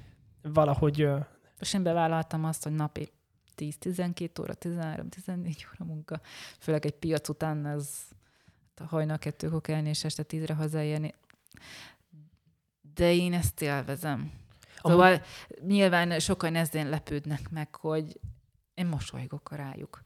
Hogy nem az van, hogy a francba már megint csináljam azt a vállalkozást, hanem én, én ezt élvezem. Ez, az, ez a sajátom, az enyém, ezt sokan ö, ezért motiválom, hogy a sajátotokat kezditek el csinálni, és az a ti, úgymond, vagy gyerekeitek lesz, és ez a, amit elkezdtél. Miért lovagolnak szerinted annyira azon, hogy nő vagy? Mármint, hogy mindegyik riportba ez jön ki, hogy hát de te nő vagy. Hát, de, és akkor te igen, mondhatnád, hogy, hogy am, igen, nagyon, nagyon úgy tűnik, igen, nagyon hogy úgy, ez igaz. Igen. Ö, talán az, hogy van egy elképzelésük az embereknek, egy, egy sztereotípia, hogy milyen meg, legyen meg, egy... Várja, ezt is mindig mondják, hogy szép, csinos. Mindig ez van, szép, csinos. Hát Igen. Hát, hát ez Zsóka, te szép, csinos nő vagy. Igen. Hogyan csinálod ezt? Meg szerintem inkább a kérdés az az, hogy miért? Hát te Budapesten ellennél 600 nettóból, vagy, vagy miért nem keresel egy, egy, egy nálad jobban kereső csávót, és akkor ellubickolnál? Nem? Mert valahol én ezt éreztem a kérdések mögött, hogy mm, ez még mindig egy nagyon, nőkkel kapcsolatban nagyon régóta beidegződött, ha bár már feloldódni látszó um, sztereotípia, vagy, vagy elvárás, vagy megfigyelés, hogy ez... Ez pontosan én, én, kérde, én nekem kéne kérdezni vissza, hogy miért gondolják ezt, hogy csak egy gumicsizmás, 100 kilós férfi csinálhatja ezt a munkát én miért nem csinálhatom? Ugyanúgy én is kimegyek az állatokhoz, jó, nem én etetem, mert tényleg már annyi van, és olyan felelősség van a feldolgozásban is rajtam, hogy ott nem vagyok ott, de van segítség, édesapám ott van kint, de most ö, biztos sok mindenki most meglepődik, de az állatorvosi munkálatokat én csinálom kint. Kimegyek, és azt el kell végezni, jó, össze szedem a munkálatot, akkor egy napra elvégzem azt a nem minden nap tudok kimenni. De én megcsinálom szervezetten, és meg tudom csinálni. Jó, hát nincs műkörmöm, de ö, a két kezem nem szakad le. Jó, hát vannak sebek. De ezeket én, én szeretem csinálni. Ö, sztereotípia. Miért van sztereotípia? Na, uh-huh. ez a mhm. kérdés. Nem tudom, hogy, uh-huh. Hogy én ezt választottam. Én, én kisgyerekként is ilyen voltam, ilyen energikus mindig. Vagy lovasztam, meg papának segítettem, úgyhogy...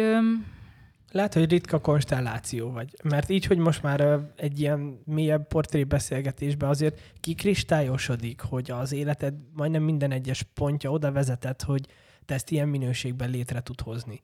A habitusod, a, a múltbéli a gyerekkorom. a gyerekkorod. Így van, így van, így van, így van. Amit én láttam kisgyerekként, vagy ami, amiben én felnőttem. Igen. Lehet, ha ez nem lett volna, én magas sarkúban, miniszoknyában lennék valamelyik cégnél, ott ilyen kis asszisztens, vagy majd alkalmazott, és ott dolgoznék. Lehet, hogy azt tetszett volna akkor. Akkor te abszolút nem érzed ezt a... Mert hogy most nagyon egyoldalúan azt nyomatja az európai kultúra, hogy itt hát itt a nőknek semmi esélye, itt a nők azok mindig olyan téren negatívan vannak kezelve, hogy, hogy kevesebb pénz, hogy, hogy nincs meg az a tisztelet, stb. Hogy valahogy nálad azt látom, hogy neked ilyenek meg se fordultak sose a fejedbe, csak csináltad, amit akartál. Igen, bár nyilván lehet, hogy volt egyszer-kétszer bennem olyan nekem is sztereotípia, hogy úristen, én megállom-e a helyemet ezen a területen, uh-huh. hogy, hogy amit megcsinálunk, képes leszek rá ezt, ezt véghez vinni. Akár, a, akár az egész a, a tenyésztés, a feldolgozás, a, tehát a vállalkozás, hát ez, ez, elég komplex, elég fizikailag is, meg, meg szervezésileg, hogy ez ki lehet, kivitelezhető, ezt meg lehet csinálni. Persze, volt az elején, de nyilván az élet így hoztam el. Akár most volt egy olyan interjú múltkor, hogy most ez a pandémiás időszakban, hogy kapcsolni, hogy volt a tavaly a lezárás márciusban, és akkor nem volt piac, de a termékeket fel kell, ott volt a húsvét, és akkor hogyan értékesítem, hogyan jut el a vevőhöz az a sonka. Ö, akár a tavaszi, a márciustól én szeptemberig, mondom így, mert én szeptembertől újra piacoltam, hogy márciustól szeptemberig én hogyan valósítom meg, hogy a folyamat ne álljon le, dolgozzak, legyen bevételem, mert nekem ebből van bevételem, nem, nem másból, és, és kivitelezzem ezeket a dolgokat. Szóval hogyan kapcsolni egyből, meg, megtalálni azt a, azt, a, azt a lehetőséget, hogy hogyan működik, bevállaljam, lesz vevőre. Fú, ez, ez nagyon azonnal történt, és nagyon szervezetten, és nagyon, fú, az, az a kockázatvállalás. Szóval ez, hogy, hogy ezt látni mögötte. Hogy igazából én, én nem biztos, hogy mindenki így áll hozzá, én így állok hozzá, én nagyon vagánycsajnak tartom magamat, hogy, hogy tehát nem félek. Szóval csináljuk pozitívan, mert csak így lehet előre menni, és ne a negatív, ú, aztán nem fog sikerülni, meg hogy lesz. Ú. Nyilván biztos, hogy belülről van ilyen, meg hogy ne lenne, vagy rosszul alszok másnap, vagy aznap, és izgulok, inkább ez, hogy izgulok, mert nagyon én stresszes vagyok, hogyha valami olyan váratlan dolog történik, vagy új dolog. De hát öm, kapcsolni kell fiatalosan, innovatívan kapcsolni kell, mi lesz a pandémiás, és akkor én ezt túlvészeltem, és szeptembertől újra elkezdtem piacolni. És most már minden héten megyek Pestre. Előtte való évben meg csak két hetente voltam, mert úgy tudtam ezt megvalósítani, hogy ó, hetente, hát az lehetetlen. Uh-huh. Most meg itt vagyok hetente piacon. Aha. Hetente. Hogy érzed, most már maxra, maxra vagy járatva? Hát, igen. Tehát, hogy itt már teljesen ki van húzva a húr? Nagyon, igen, igen. Nagyon, nagyon, ez azért nagyon kemény. Szóval nagyon fizikailag, szellemileg főleg. Hm. Igen, igen. Akkor ebből most azon agyalsz, hogy hogy tudnád ezt egy picit uh, automatizálni? Így van. Amúgy a mezőgazdaság nagyon megy az automatizálásra, hogy én most figyeltem a technológiát is, hogy hogy már olyan intelligens rendszerek vannak, amik figyelik a gyümölcs érését, az állatokat, teljesen lekövetik az állatokat. Hát ezt nálunk így nem lehet, mert azért azt a hagyományos módszert mi szeretnénk tartani, és nyilván nem azt az állandó takarmány kapják nyári időszakban, több zöldet kapnak. Nyilván az, hogy, hogy mi is nyári időszakban több zöldséget teszünk, ugyanúgy az állatok is több zöldet esznek, és több friss takarmányt, és akkor kevesebb az abraktakarmány. Ugye mi haladunk ezzel a természetességgel, és ahogy az évszakok változnak, úgy változik a, a takarmánya is. Ö, velük együtt nyilván a nyári időszakban kevesebb nálunk a, a feldolgozás, um, akkor téli időszakban nyilván nagyobb is az igény, és ezt nem lehet nálunk automatizálni. Aha. Szóval az a géppark, ami megvan, az, az a, akár a feldolgozó gépekben is, az már elég ö, modern rendszer, uh-huh. ö, ami, amit, amit van nekünk, és ö, akár a keverőgéptől, töltőgéptől kezdve értem itt a dolgokat, és ezt így ö, szerintem így maxra tudjuk járatni, hogyha ez a, ez a rendszer, ez a szervezettség megvan, mikor, mit csinálunk, hogy csináljuk, hova tesszük, kezünk alá dolgozunk, hogy egymás keze alá dolgozunk, és nem vagyunk útba egymásnak, akkor nagyon jól működik. És rugalmasan, én szerintem. Akkor ez a robotizálás, automatizálás nem, ilyen nálam, téren nem cél? Nálam nem lehet, és nem, nem is cél. cél. Nem, uh-huh. nem, mert akkor nem mi vagyunk. Aha. Kell az, a, az, a, az, a, az ami a, mi bele tudjuk tenni, az a, az a kézművesség, az a, az a folyamat. Hogy az így, így maradjon így, fekete zsókás. Igen, így van, így van. És ha, ha nem az automatizálás és a robotizálás, akkor miben látod azt, amiben ez a hór egy kevesebben, vagy kevésbé feszülne? Hát a, a segítség a kollégánk, hogy még jobban rájuk tudok támaszkodni, még most betanulási időszak van, és akkor későbbiekben ezeket már rugalmasabban kezelik, és ö, beletanulnak, és én ebben bízok, hogy uh-huh. ők tudnak majd később ebben segíteni. Most könnyűen úgy ember találni? Mert hogy nagyon sokan panaszkodnak, hogy kétkezi munkákra, mert azért eléggé nehéz, vagy ha találsz olyan áron találsz, ami már nem hozza vissza azt. Már itt nem a pénz számít, hanem a felelősség, hogy a, a meg, meg a munka szeretet. Nem szeretnek dolgozni az emberek. Hogy bármit adhatsz, nem úgy állnak hozzá, nem felelősséggel. Hogy én, én diákként is, amikor elmentem nyári munkára, én, én, én ezt felelősségnek éreztem, hogy jól csináljam. De már nem úgy áll egy gyerek hozzá. Már a szülőtől tanulja, hogy nem felelősséggel kell azt a munkát végezni. Jó van az kislányom, és akkor majd holnap megcsinálod. Nem. Ami meg volt adva feladat, azt ma megcsináljuk, és azt precízen kell megcsinálni. Az így sark. Jó, én nagyon ö, ezt szeretem, és ezt tanultam, meg így ö, viszem végig a, a vállalkozás, de ö, nem sok fiatal tanulja ezt meg, és a felelősséget nem érzik. Nem, ennyi. Nem érzik a becsületesség, felelősség, tisztesség. Ennyi, őszint, és talán meg lesz fizetve az a fiatal, csak sokan már azt hiszik, hogy egyből már a milliós pénzeket szeretnék be, beszedni, közben meg nincs mögötte munka. Én és nem... én ezt próbálom tanítani a fiataloknak, hogy, hogy értékeljék, hogy, hogy amit csinálnak, azt jót adunk, és azt majd mi kapjuk vissza, meg ők is visszakapják.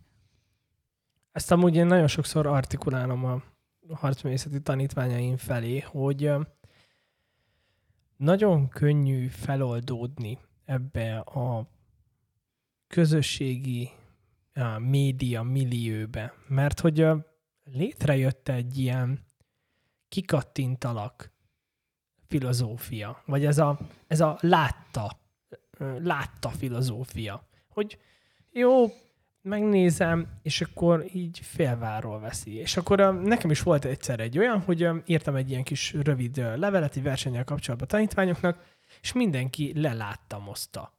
És akkor utána írtam nekik, hogy figyeljetek, a, ilyen nincs. Tehát, hogy valamit válaszoljatok, valamit írjatok. Tehát, hogy az, hogy, az, hogy, a, hogy, a, hogy mondjuk a tanítódat, és nem, nem csak a tanítódat, a főnöködet, vagy valamit, te leláttamozod, és nem reagálsz rá semmit, az a, és ők nem tiszteletlen emberek. Tehát, hogy ők alapból nagyon-nagyon tisztelettudó, szorgalmasak, de már bennük is az évek alatt ez a fajta generációs Generáci... métej, ez ö, sajnos ezt az idegződés hozta, hogy ó, hát ne, nem, nem válaszolok, ó, hát nem csinálom, ó, hát a, a, ami nekem mondjuk egy kicsikét most kényelmetlen, azt, azt eldobom magamtól.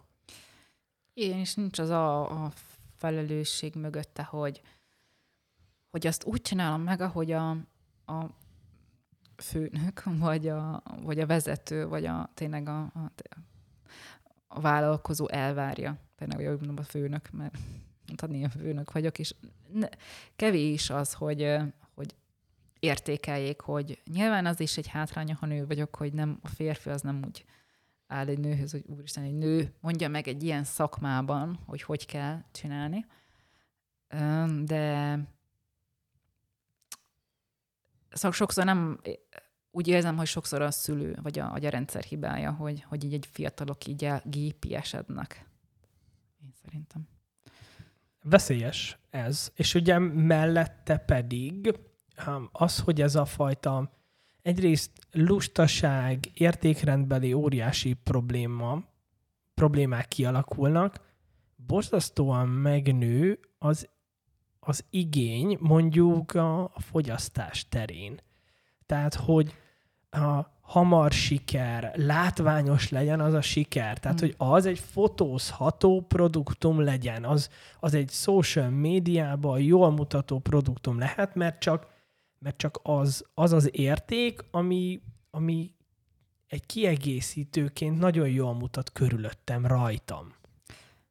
Igen, és uh, például ez, hogy azonnal, mindent azonnal akarnak, hogy, hogy most mondod, hogy fizetésem, és hogy már fiatalokon is látszik, hogy mindent azonnal akar, azonnal legyen jó, azonnal lássa a mögötte a anyagi vonzatát. De azt, hogy megtenni valamit, hát én is, amikor elkezdtem ezt a, a mangalicát, én, én nem tudtam, sőt, hát volt, hogy kétségbe estem az első két-három évben, hogy úristen, mi lesz ebből? Hát még csináljuk, csináljuk, hogy lesz ennek produktuma és, és pozitívan akár profitálható vállalkozást, mert az elején hát, hát én kétségbe voltam esve, és hát majd két, három, négy, öt év múlva lett ennek eredménye. Szóval, mikor már elkezdett az ember, és ilyen keményen megdolgoztam, hogy akkor még 13-14-ben én minden nap mentem piacra ide Debrecenbe, és akkor igen, mentem a kis kocsikámmal, beraktam, nappal csináltam az árut, délután mentem piacra.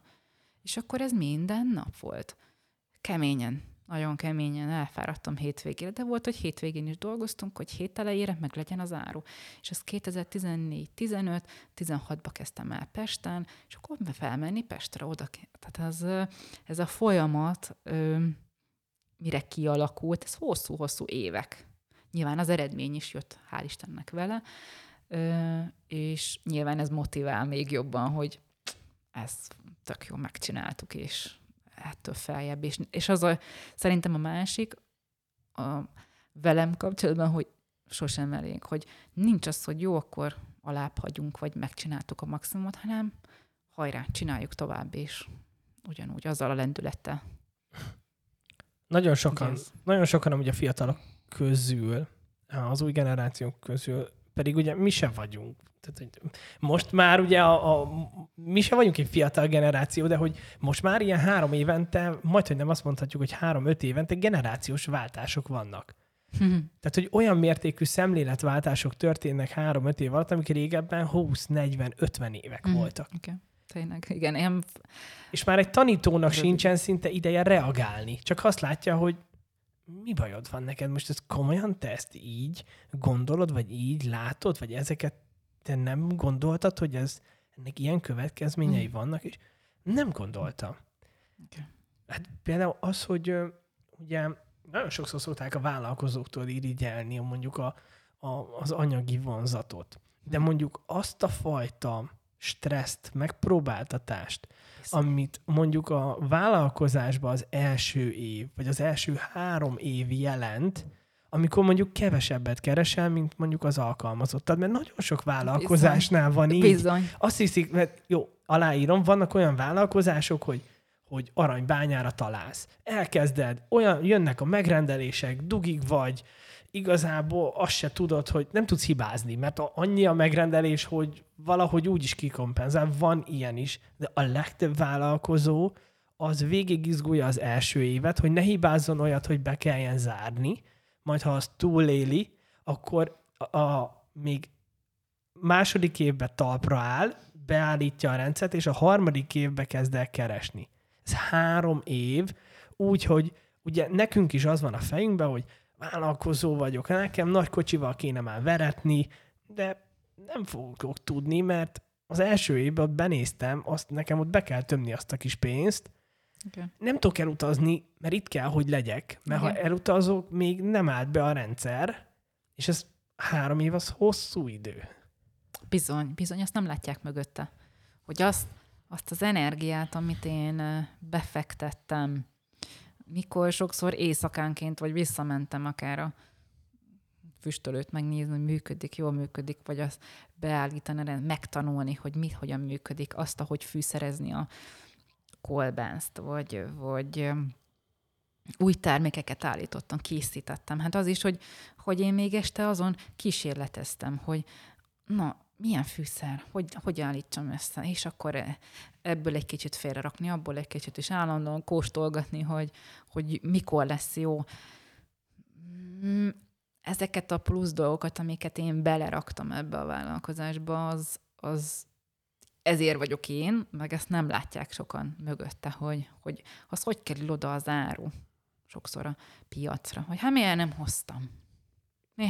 Most ezt miért, miért nem csinál? És sokszor eh, most ezt készítettem, most erre a termékre jutott a választ. Úgy, úgy, hogy többféle termékem van, és nem minden terméket tudok egy héten készíteni, mert van, amikből ugye az hús, kevesebb van a mangalicából is szét kell szortírozni, és ugye ezeket nem értik meg az emberek, hogy azok a kis apróbb dolgok, vagy amit, ahol, ameddig én eljutottam, hogy hogy készülnek így a termékek, vagy hogyan csomagolom, vagy hát az rengeteg idő.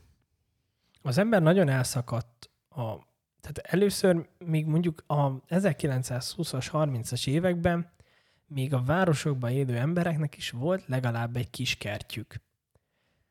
Mhm. Majd a második világháború után, de főképpen a 70-es évektől ezek a kiskertek teljes mértékben eltűntek. És a, és a városban élő ember azért nagyon elszakadt a természeti törvényszerűségektől. És nagyon sokszor illúzióba találhatja magát. Mert nem mm. tudom, hogy te hogy, hogy élted meg, de te azért mégiscsak egy természetes körforgás része vagy. Tehát, hogy a, hogy a természet azért önmagában is sokat tanít az embernek. Bizony, bizony. Mm, nyilván, hogy én Pesten árulok, nagyon sok emberrel találkozom, és nyilván nem mindenki tudja, hogy mangalic az milyen állat, megkérdezik. Ezt el kell magyarázni. Egyes hústermékek vagy részek az miből vannak, és én nekem ez természetes, ugye? És hogy hogy készül el, hogy, hogyan daráljuk a húst, vagy alapvető dolgok, amik, amiket mi úgy mondjuk, hogy ez természetes hát nagyon-nagyon sokan nem tudják, és ez a természet közeliség ö, hiányzik az emberekből. Sokszor természetfilmekben látnak ilyeneket, vagy még abban sem, mert nem néznek tévét, vagy csak a sorozatokat. És ö, én ö, például nyilván ez a pandémiás időszak előtt volt egy olyan programunk, hogy a mangalica farmlátogatás, és akkor sokszor külföldi csoportok is jöttek hozzánk, és igen, megkóstolták, vagy látták a mangalicát, vagy megkóstolták a termékeket, hogy ez így készül, vagy így lehet ezt megsütni. És akkor kicsit bevezettem, vagy akár diákokat, vagy bevezettem így a vidéki életbe, hogy lássák igenis, vagy akár esetleg azt az eszközöket, hogy volt ilyen konferenciánk, mert mi szervezünk hely, helyben ott van egy kis tájházunk, és szervezünk konferenciákat, szakmai konferenciákat, és akkor a diákok látják, hogy a képeken, vagy ott helyszínen, hogy milyen régi töltőgépek, vagy milyen régi eszközök voltak, és hú, hát ők nem tudták. És ugye ezeket a dolgokat már manapság nem látják, és, és nem is esznek ilyen természetes ö, készítményeket, sokszor, hogy zsír alap. Ne, zsírra? Hát mit csinálnak a zsírra? Hát főzz, főzz. Hát abba süss ki a húst. Abba süssem a húst. Igen. És akkor gondolja, ez egy egyszerű dolog, ami a zsír egy alapvető. És ebből a szempontból még a másik, hogy nagyon sok allergiás beteg van. Nagyon sok allergiás, autoimmun betegem van, mondhatni így betegem, hogy, hogy oda fordulnak, oda fordulnak hozzám, hogy én már készítek külön ilyen keto hogy, hogy tényleg csak sóval, borssal készül az a kolbász, most is olyat hoztam, vagy sószalonnát, ami tényleg csak sóva, sóban érlelt, vagy füstöl dolgok, amik csak füst és sóban érlelt, zsír, ami nincs benne hagyma, fokhagyma, vagy paprika, amit, amit ők nem ehetnek. Nagyon-nagyon sok. Én most tapasztalom több éve, most már, hogy egyre több allergiás beteg van és ők igénylik a, egy az a minőségi alapanyagot, a kettő pedig olyan készítményeket, amit ők meg tudnak enni, és nem allergiás, nem lesznek allergiásak rá. Ez, ez valami ne, nekem hihetetlen, és hihetetlen az is, hogy, hogy mennyi az igényre. Egyre többen megkeresnek. én akkor döbbentem rá, amikor ezt a húsjövő diétát csináltam, hogy úristen, rengeteg olyan ember van, aki, mert hogy a húsevő diétát folytatni, az borzasztó elkötelezettség, kihívás, szervezés kérdése. Igen. Nekem nagyon-nagyon nehéz volt, de én beszéltem egy olyannal, egy olyan hölgyem, aki az extrémen van, ő nyers húsevő diétát folytat, de ő mondja, hogy neki, neki ez feloldozás. Tehát, hogy, hogy azt képzeljem el, hogy neki olyan szintű problémái vannak, olyan görcsös hasfájdalmak, Mm. olyan bélgyulladások, olyan menstruációs ingadozások, olyan hízási, ödémásodás problémák, hogy neki nincs más választása. Tehát, hogy, hogy, hogy annyira allergizál mindenre, Igen. és mm, a húsok nem allergizálnak, a zsírok nem allergizálnak, csak a növények allergizálnak. Ugye milyen érdekes? Nagyon érdekes. És Igen. valahol én itt szoktam uh, uh, egy picikét megfogni ezt a vegetariánus, vegán életmódot, hogy uh, persze, jobb, mint a nyugati étkezés, ami dugig van, cukorral, transzsírral, elképesztő mennyiségű kalóriát visz be az ember, Igen. még jó, hogy ha ezeket kihagyod, de amúgy vannak olyan vegánok, akik, vagy vegetariánusok, akik tésztát nyomnak, és el vannak hízva. Szénhidrát, szénhidrát. Tehát Ezt borzasztóan- szoktam mondani. igen. Nagyon sokszor nem merem hangosan mondani, nem tudom milyen közegbe, hogy a szénhidrát, az hízlal. Igen. Nem a zsír. Sokszor úgy el vannak tévedve az emberek. Hú, zsíros. Hát a zsír az nagyon nehezen alakul át zsírra. Tehát azt a szervezet ugye lebontja, de az nagyon Igen. nehéz folyamat a szervezetnek. Tehát a zsírból nem úgy lesz, hogy megeszed, és akkor itt van egy kis mangalica zsír most itt a mellemnél. Igen. Tehát, hogy ez...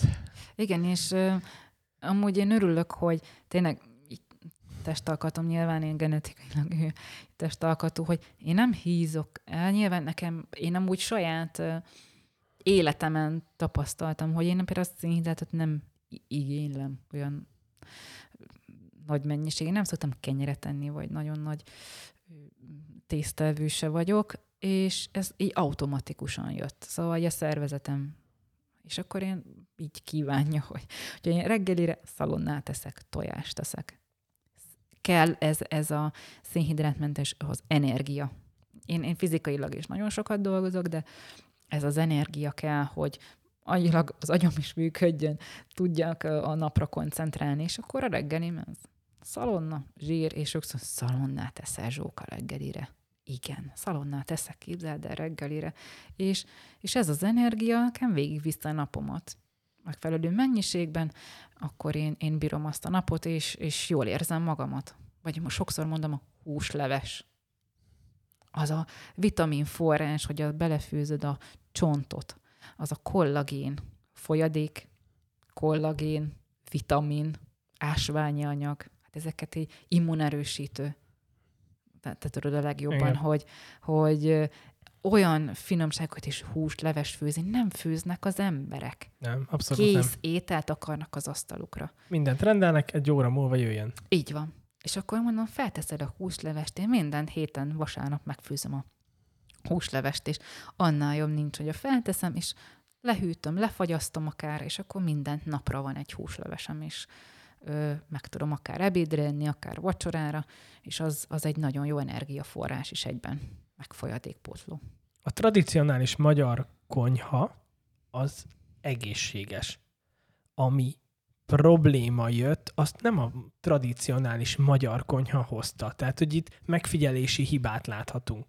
Hanem ugye a 70-es években megjelenő finomított cukrok, finomított szénhidrátok, agyonra dolgozott tejtermékek.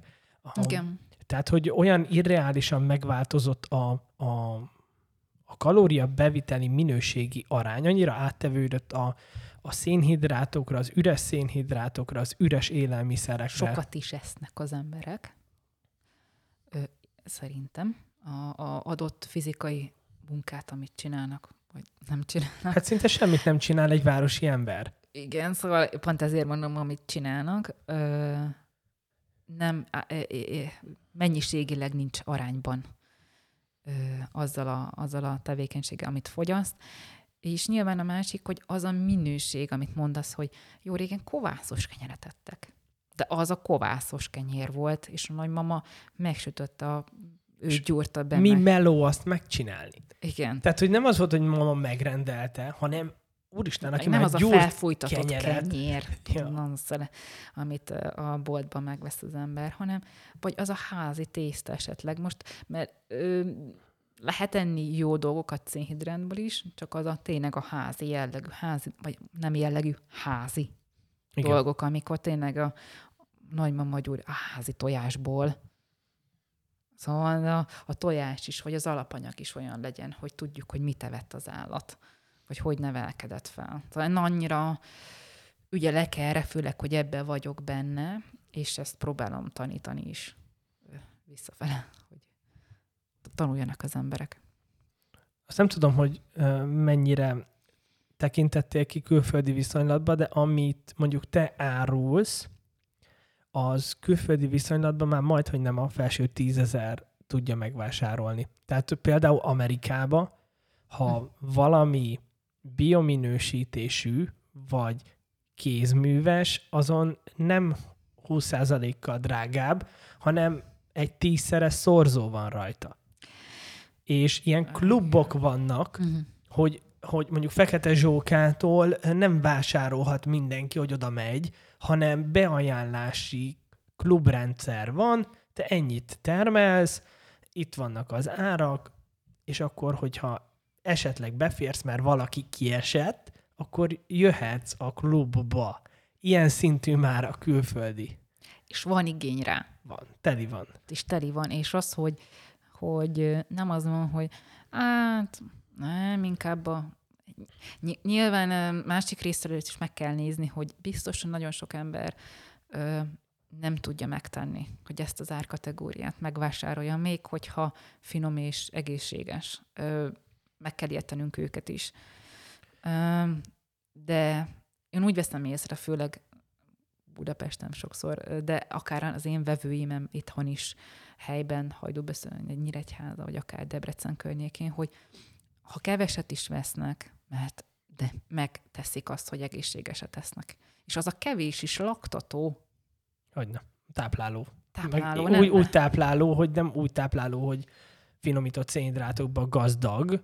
Igen, sokszor meglepődnek nekem is, hogy megeszik egy pár vérset, és jól lakik. Nem tíz párat. Egy, egy párat megeszik, és jól lakik. És És... Mert nem vizet ettél. Igen, meg uh, nem azt a szóját, hogy... Szóval ez, ezen lepődnek meg, hogy, hogy ja, hogy ez teljesen más a, a táp, tápértékben is. Nagyon érdekes amúgy, mert a magyar egészségi állapotok borzasztóak. Én népegészségügyet végeztem, ténylegesen nagyon-nagyon ramagy állapotban vagyunk, és mm, mindennel foglalkozunk, de ezzel valahogy nem. Ez nincs artikulálva. Tehát, hogy, hogy az, hogy ilyen mértékű az elhízás, az alkohol, a dohányzás, Igen. és, Hú. és mindenre van egy nagyon jó kifogás. A, a kajánál mindig az a, a felmordulás, hogy ha de nekem nincs annyi pénzem. És akkor így, hogyha megfigyeljük, ez a nincs annyi pénzem mögött, azért persze vannak perifériára szorult emberek, ezt értjük, de azért Magyarországon ténylegesen van um, több millió olyan család, aki mondjuk, ha az egy doboz cigit elhagyná, Bizony. a napi két sört elhagyná, vagy, vagy nagyon sokszor van az, számomra a legnagyobb katasztrófa, amikor van pénz, ténylegesen van pénz, de mégis a silány minőségre esik a választás.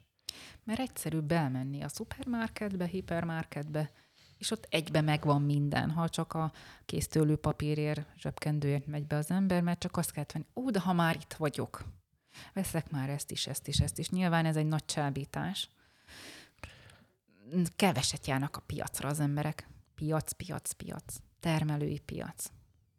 És akkor ezzel mindent elárulok, hogy helyben vásárolsz, helyben hagyod ott annak a gazdálkodónak a pénzt, aki tud ö, vele ö, fejlődni, és, és nyilván a üzemanyagköltség esetlegesen, hogy nem kell akkor elmenni a másik városba, mert csak ott van olyan szupermarket, hanem akkor helyben mindent meg, megveszel. És nem egy multinak adod a pénzt, ami hogyha egy picikét nem kedvez a feltétel, alapból kilapátolja a pénzt. És milyen a tulajdona a multi? Külföldi. Külföldi. Tehát megkapják a nagy, hatalmas magyar állami támogatást, majd ezzel a pénzzel szépen lelépnek, amikor nem úgy áll a széna, és sajnos nem lehet velük mit csinálni, hát automatizálunk, bocsánat. Pontosan. Én ezt, ezt, ezt ö, reklámoztam még most az, az utóbbi posztomban, vagy az utóbbi két posztomban, hogy helyi termelőtől vásárolj, hogy a pénz az ott marad, és támogatod azzal a termelőt, hogy fejlődjön, hogy továbbra is árul, árulhasson ott, és fennmaradhasson, és a pénzed ő, ő nála hasznosul. Hát, hogyha ezzel nem változtatunk nagyon hamar, ahogy bele kukkant az ember most a jelen világ meneteiben, egy olyan klímakatasztrófa felé tartunk, ami ugye azért van mindenkinek annyira nagyon-nagyon távol, annyira szürreális az az egész, mert hát nagyon sokan már, hogyha elmennek egy fa mellett, annyira városiak, hogy így rázzák, hogy, mi történhetett. Annyira eltávolodtunk a természettől, hogy fogalmunk sincs, hogy mit jelent az, hogy klímakatasztrófa. Nem, igen. És ez a klímakatasztrófa azt jelenti, hogy már Indiában van egy olyan város, aztán egy millió feletti lakossal, hogy elfogyott a víz. Hm. Nincs víz. Na most, hogyha ez sok várossal megtörténik, ezek az emberek elkezdenek majd elmozdulni oda, ahol van víz. Okay. De nem csak ezt jelenti, hanem szélsőséges időjárás változások. Vagy az, hogy műanyagot fogsz enni. És akkor majd az orvos azt fogja mondani, hogy hát ne arra ugyan uram, a gyermekének leállt a veséje, mert a műanyag részecskék egyszerűen felhalmozódtak. Ez a, ez a klímakatasztrófa. Igen. És és például szerintem a helyi fogyasztás borzasztóan sokat. Annyira megkímélni a világot. Igen, ez, ez, el sem tudod hinni, hogy tényleg az emberek ha csak belegondolnak. Én is most újra belegondoltam, mert tudom, mit jelent. Belegondoltam azt a. És így egy döbbenet van most újra bennem, hogy ezt csak felfogni kemény, és uh, utána ezt megvalósítani, hogy igenis álljunk a talpunkra, és, és legyünk egy kicsit úgy e, ebből a szempontból maradiak, hogy itt vagyunk helyben. Helyi piacra menjünk, a helyi ö, ö, akár a boltokat, vagy, vagy olyan vállalkozókat keressünk meg, hogy őket segítsük. Na, multihoz menjünk el. Igen, a multi az mindig itt fog hagyni. Mindig. Mind nincsen kötődése Neked van kötődésed, neked itt a családod, a mamád tanította meg, hogy kell fűszerezni. Az apukád csinálja a, a mezőgazdasági részét, az anyukád segít. Tehát, hogy te itt vagy. Te, Igen. te nem fogod azt mondani, hogy cságyíkok, én leléptem. És én tökre örülök annak, hogy, hogy én ezt képviselhetem. És büszke vagyok rá, hogy ezt képviselhetem, hogy, hogy ö, diplomásan hazajöttem, és ezt tudom ilyen, ilyen szinten csinálni, és, és büszke vagyok rá, hogy ezt próbálom minél jobban, vagy precízen csinálni. Amúgy nagy felelősség lett rajtad, mert zászlós hajó lettél. Igen. Tehát nagyon sok mindennek lettél a zászlós hajója egyszerre. Igen. Mert nem csak ugye ez a, nem csak a helyi termelés, a magyarság, egyfajta nacionalizmus, amire amúgy valahol szükségünk van, hanem benned megjelent ugye a miért vagy nő. Igen. Ugye, hogy, Igen. hogy ugye, Igen. Hogy, hogy ezt nőként valósítod, ez már ez is elég lenne, és akkor emellett még lett egy edukáló szereped is. Bizony. Igen, ez tényleg így van, így, így ezt így igazából így fel se fogom így, így amikor mindennapi dolgaimat csinálom, és jövök, megyek, de akkor itt a pandémiás időszak előtt, hogy mennyi helyre hívtak, hogy tartsak előadást.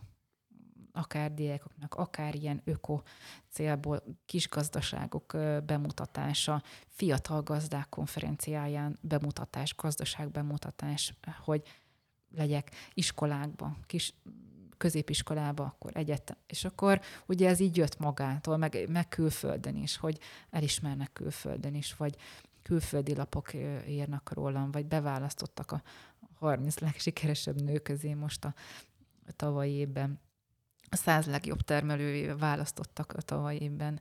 És ezek ilyen olyan dolgok, hogy én újongok, hogy, hogy úristen, vagy a 2019-ben még az, az ország három legjobb termelője közé választottak, és akkor minden évben így jöttek azok a sikerek, hogy úristen, hogy én ezt is elértem, hogy nagyon úgy örülök, és olyan büszke vagyok, hogy, hogy azt se lehet mondani, hogy ezeket végig tudtam vinni, és, és példát mutathatok, inkább ezt mondom, hogy példát mutathatok a, a fiataloknak, hogy ezt uh, ilyen fiatalon, mondhatni fiatalon, meg ilyen hévvel ezt, ezt végig tudtam csinálni.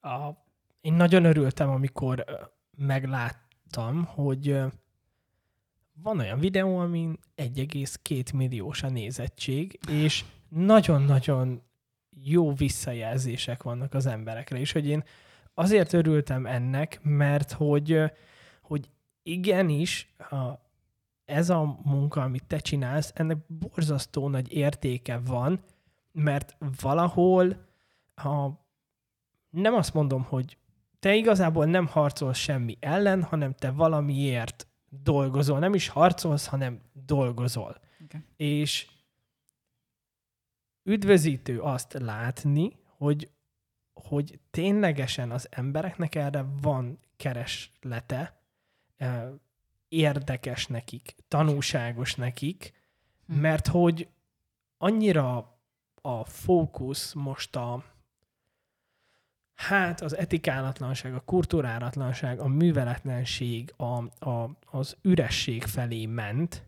amikor az Instagramon meglátsz valakit, és pörgeted, hogy hogy lehet 300 ezer követője, és keresed, keresed a tartalmat, hogy, hogy valahol ezt elérhette, biztos, hát 300 ezer ember figyel erre, Igen. és a fenekét fotózza. És ebből él, hogy a fenekét fotózza. És, és nem találsz tartalmat sehol. Ez egy nagy katasztrófa. Igen, hogy erre ezt követik az emberek, és erre van igény. Hogy amin, aminek nincs tartalma, és én pont az ellenkezőjét próbálom képviselni, hogy ö, amit hál' Istennek úgy veszem észre, pont ezt a videót, hogy tényleg én is hihetetlen, nem ö, szoktam még nézni, de múltkor mondta valaki, hogy úristen, már több mint egy millióan látták. És mondom, micsoda? És, és akkor rádöbben az ember, hogy akkor valamit én ezzel elértem, hogy azt a munkát, vagy azt, a, azt az egyszerűséget, vagy azt a, a, szeretetet, vagy amit én, én, én képviselek, azt, azt átadtam. És volt egy, több mint egy millió ember kíváncsi arra, hogy, hogy ezt megnézze, vagy hallotta mástól, és, és megnézték akár a többször is, hogy, hogy úristen, akkor végül is van rá igény, és lehet, hogy pont most fogunk visszatérni arra, hogy nem a legbanálnebb dolgokra lesz már ö, igény nyilván arra is, csak hanem visszatérünk egy kicsit az egyszerűséghez, visszatérünk egy kicsit a vidékies dolgokhoz és a természetességhez. Szerintem erre lesz későbbiekben igény, erre ö, fognak fókuszálni, hogy túl mű lesz minden. Én szerintem. És ez a természetességhez való visszatérés lesz majd még itt a jövő. Én szerintem. Ha megéljük. Ha megéljük. Hát reméljük, hogy mi, mi ezt megéljük. Vagy úgy érzem, hogy ebbe benne vagyunk. Hát igen, te, te mindenféleképpen ennek egy nagyon nagy harcosa, vagy, vagy nem is harcos a munkása, aki, aki ezzel hát nem is tudom, hogy valószínűleg, hogy nem tudatosan alakult ez az út így. Az így van. De, de egy olyan konstelláció állt össze, hogy, hogy neked most már ténylegesen szabad lett. Igen. És, és ténylegesen emberek figyelnek, és úgymond követik, erőt melítenek belőled, és mindezt úgy, hogy alapvetően én ahogy láttam a te munkásságodat és visszapörgettem, te tudatosan ezt nem kerested így. Nem, ez így van. Tehát, hogy te nem nyomatod szét, hogy ó, most nézzétek, most adom a kezemmel a mangalicának, vagy hogy fú, most, most, most töltöm, nézzétek. Tehát, hogy, hogy ezt nem tetted meg, de hogy mégis hatalmas figyelem ment rád. Igen, hogy szerintem az embereknek ez az a hihetetlen, meg az az új, meg az a különleges, hogy ez tényleg ez így működik nálam. Természetesen történnek a, a, a folyamatok, hogy ott vagyok, akint a telepen, meg, meg a folyamatokat felügyelem, nem csak a irodából ülve, mert ugye nem az irodában ülök a hétköznapokban, és az internetet, e-maileket írok egész nap, hanem, hanem nekem az a feladatom, hogy tényleg részt vegyek a, a folyamatokban, vagy ott felügyeljek, és amúgy még tényleg minden napig felügyel, vagy részt veszek, úgyhogy sokszor meglepődnek, hogy hát nem azonnal válaszolok vissza az e-mailekre, és elnézést kérek emiatt, mert ö, biztos, hogy sok mindenki azt várja, hogy persze, aki az irodában ül, azonnal megnézi a e-mailt 10 órakor, 10 óra 5 perckor pedig már válaszol is vissza. Hát nálam ez nem így megy, hanem majd vagy este, vagy majd másnap este, ha le, oda jutok, akkor, akkor érkezem, mert én hazamegyek, és este van, amikor hogy este válaszolom meg a, az e-maileket, és ö, nyilván van egy energiaszint, amikor lemerülök, és utána, ha nem érek a végére, akkor folyt köbb másnap. Um, és akkor ezt, ezt, a, ezt a menetet ezért remélem, hogy értékelik, ö, meg ezáltal szerintem követnek, hogy, hogy tényleg olyan hiteles és olyan képeket rakok fel, vagy olyan szöveget, hogy, hogy lássák a mögötte való tartalmat, és tudják értékelni a mögötte lévő szöveget, mert néha azért rakok ki olyan szöveget, hogy értelmezzék, hogy mi van mögötte, vagy milyen munka van mögötte, mert ezt sokan nem tudják. Nagyon köszönöm, hogy eljöttél. Köszönöm szépen. Ez a, szerintem sokkal jobban körvonalazódott amúgy bennem is ez a fajta életút, amit te bejártál. Én azt kívánom, hogy ezt ne hagyd abba, mert, mert nagyon-nagyon sokan figyelnek már rád, és szerintem ez, ez exponenciálisan fog tudni majd nőni. Én nagyon örülök, hogy ilyen kitartóan, ilyen energiával csinálod ezt az egészet, mert tényleg, tényleg nagyon jó energiád van, és nagyon jó ezt az egészet látni, ezt a munkát. És nagyon szeretném, hogyha ha sok zsóka másolat készülne a jó, a jó értelemben. Úgyhogy köszönöm szépen. Köszönöm szépen, hogy itt voltál. Köszönöm szépen a meghívást. Szia! Szia!